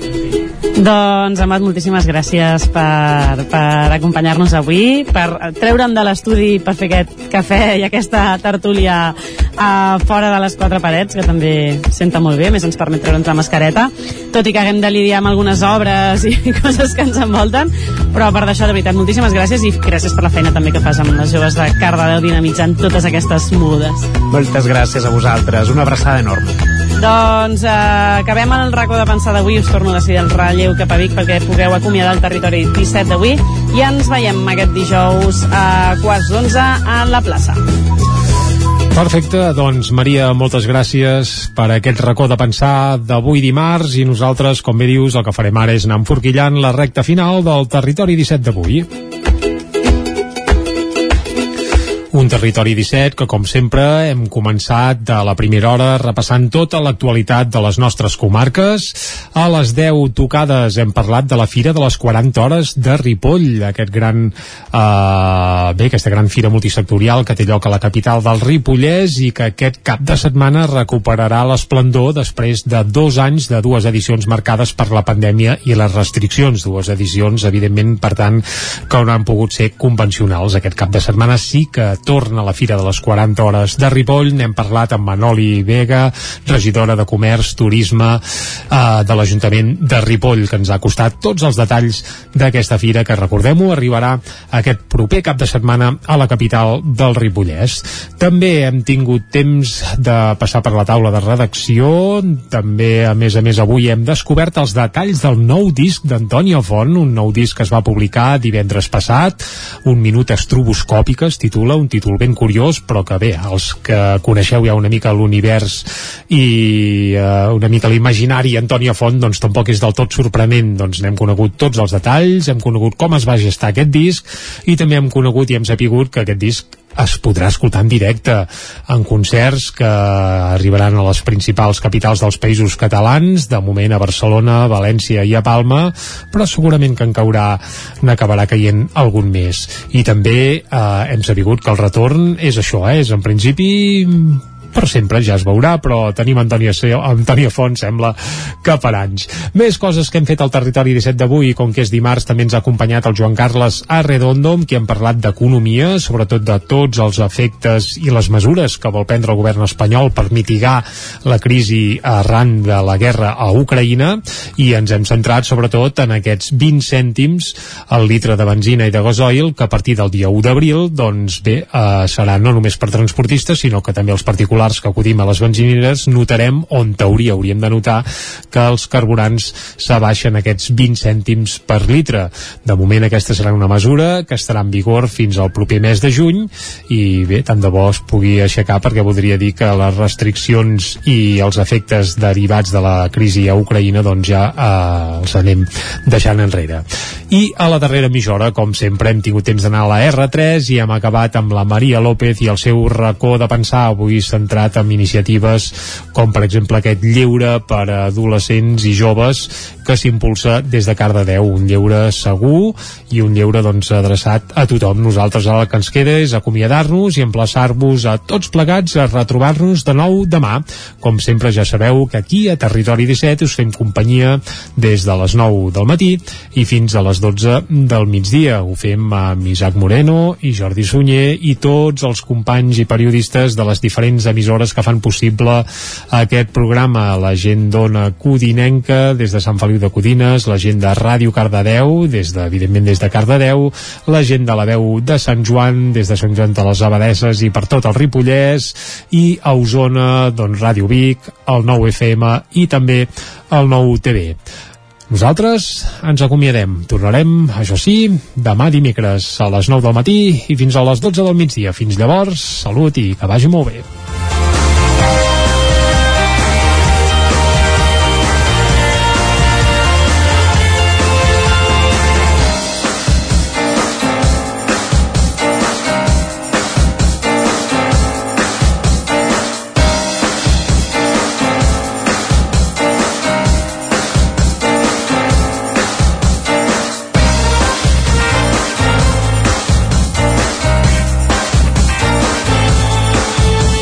Territori 17, un magazín del nou FM. La veu de Sant Joan, Ona Codinenca i Ràdio Cardedeu amb el suport de la xarxa.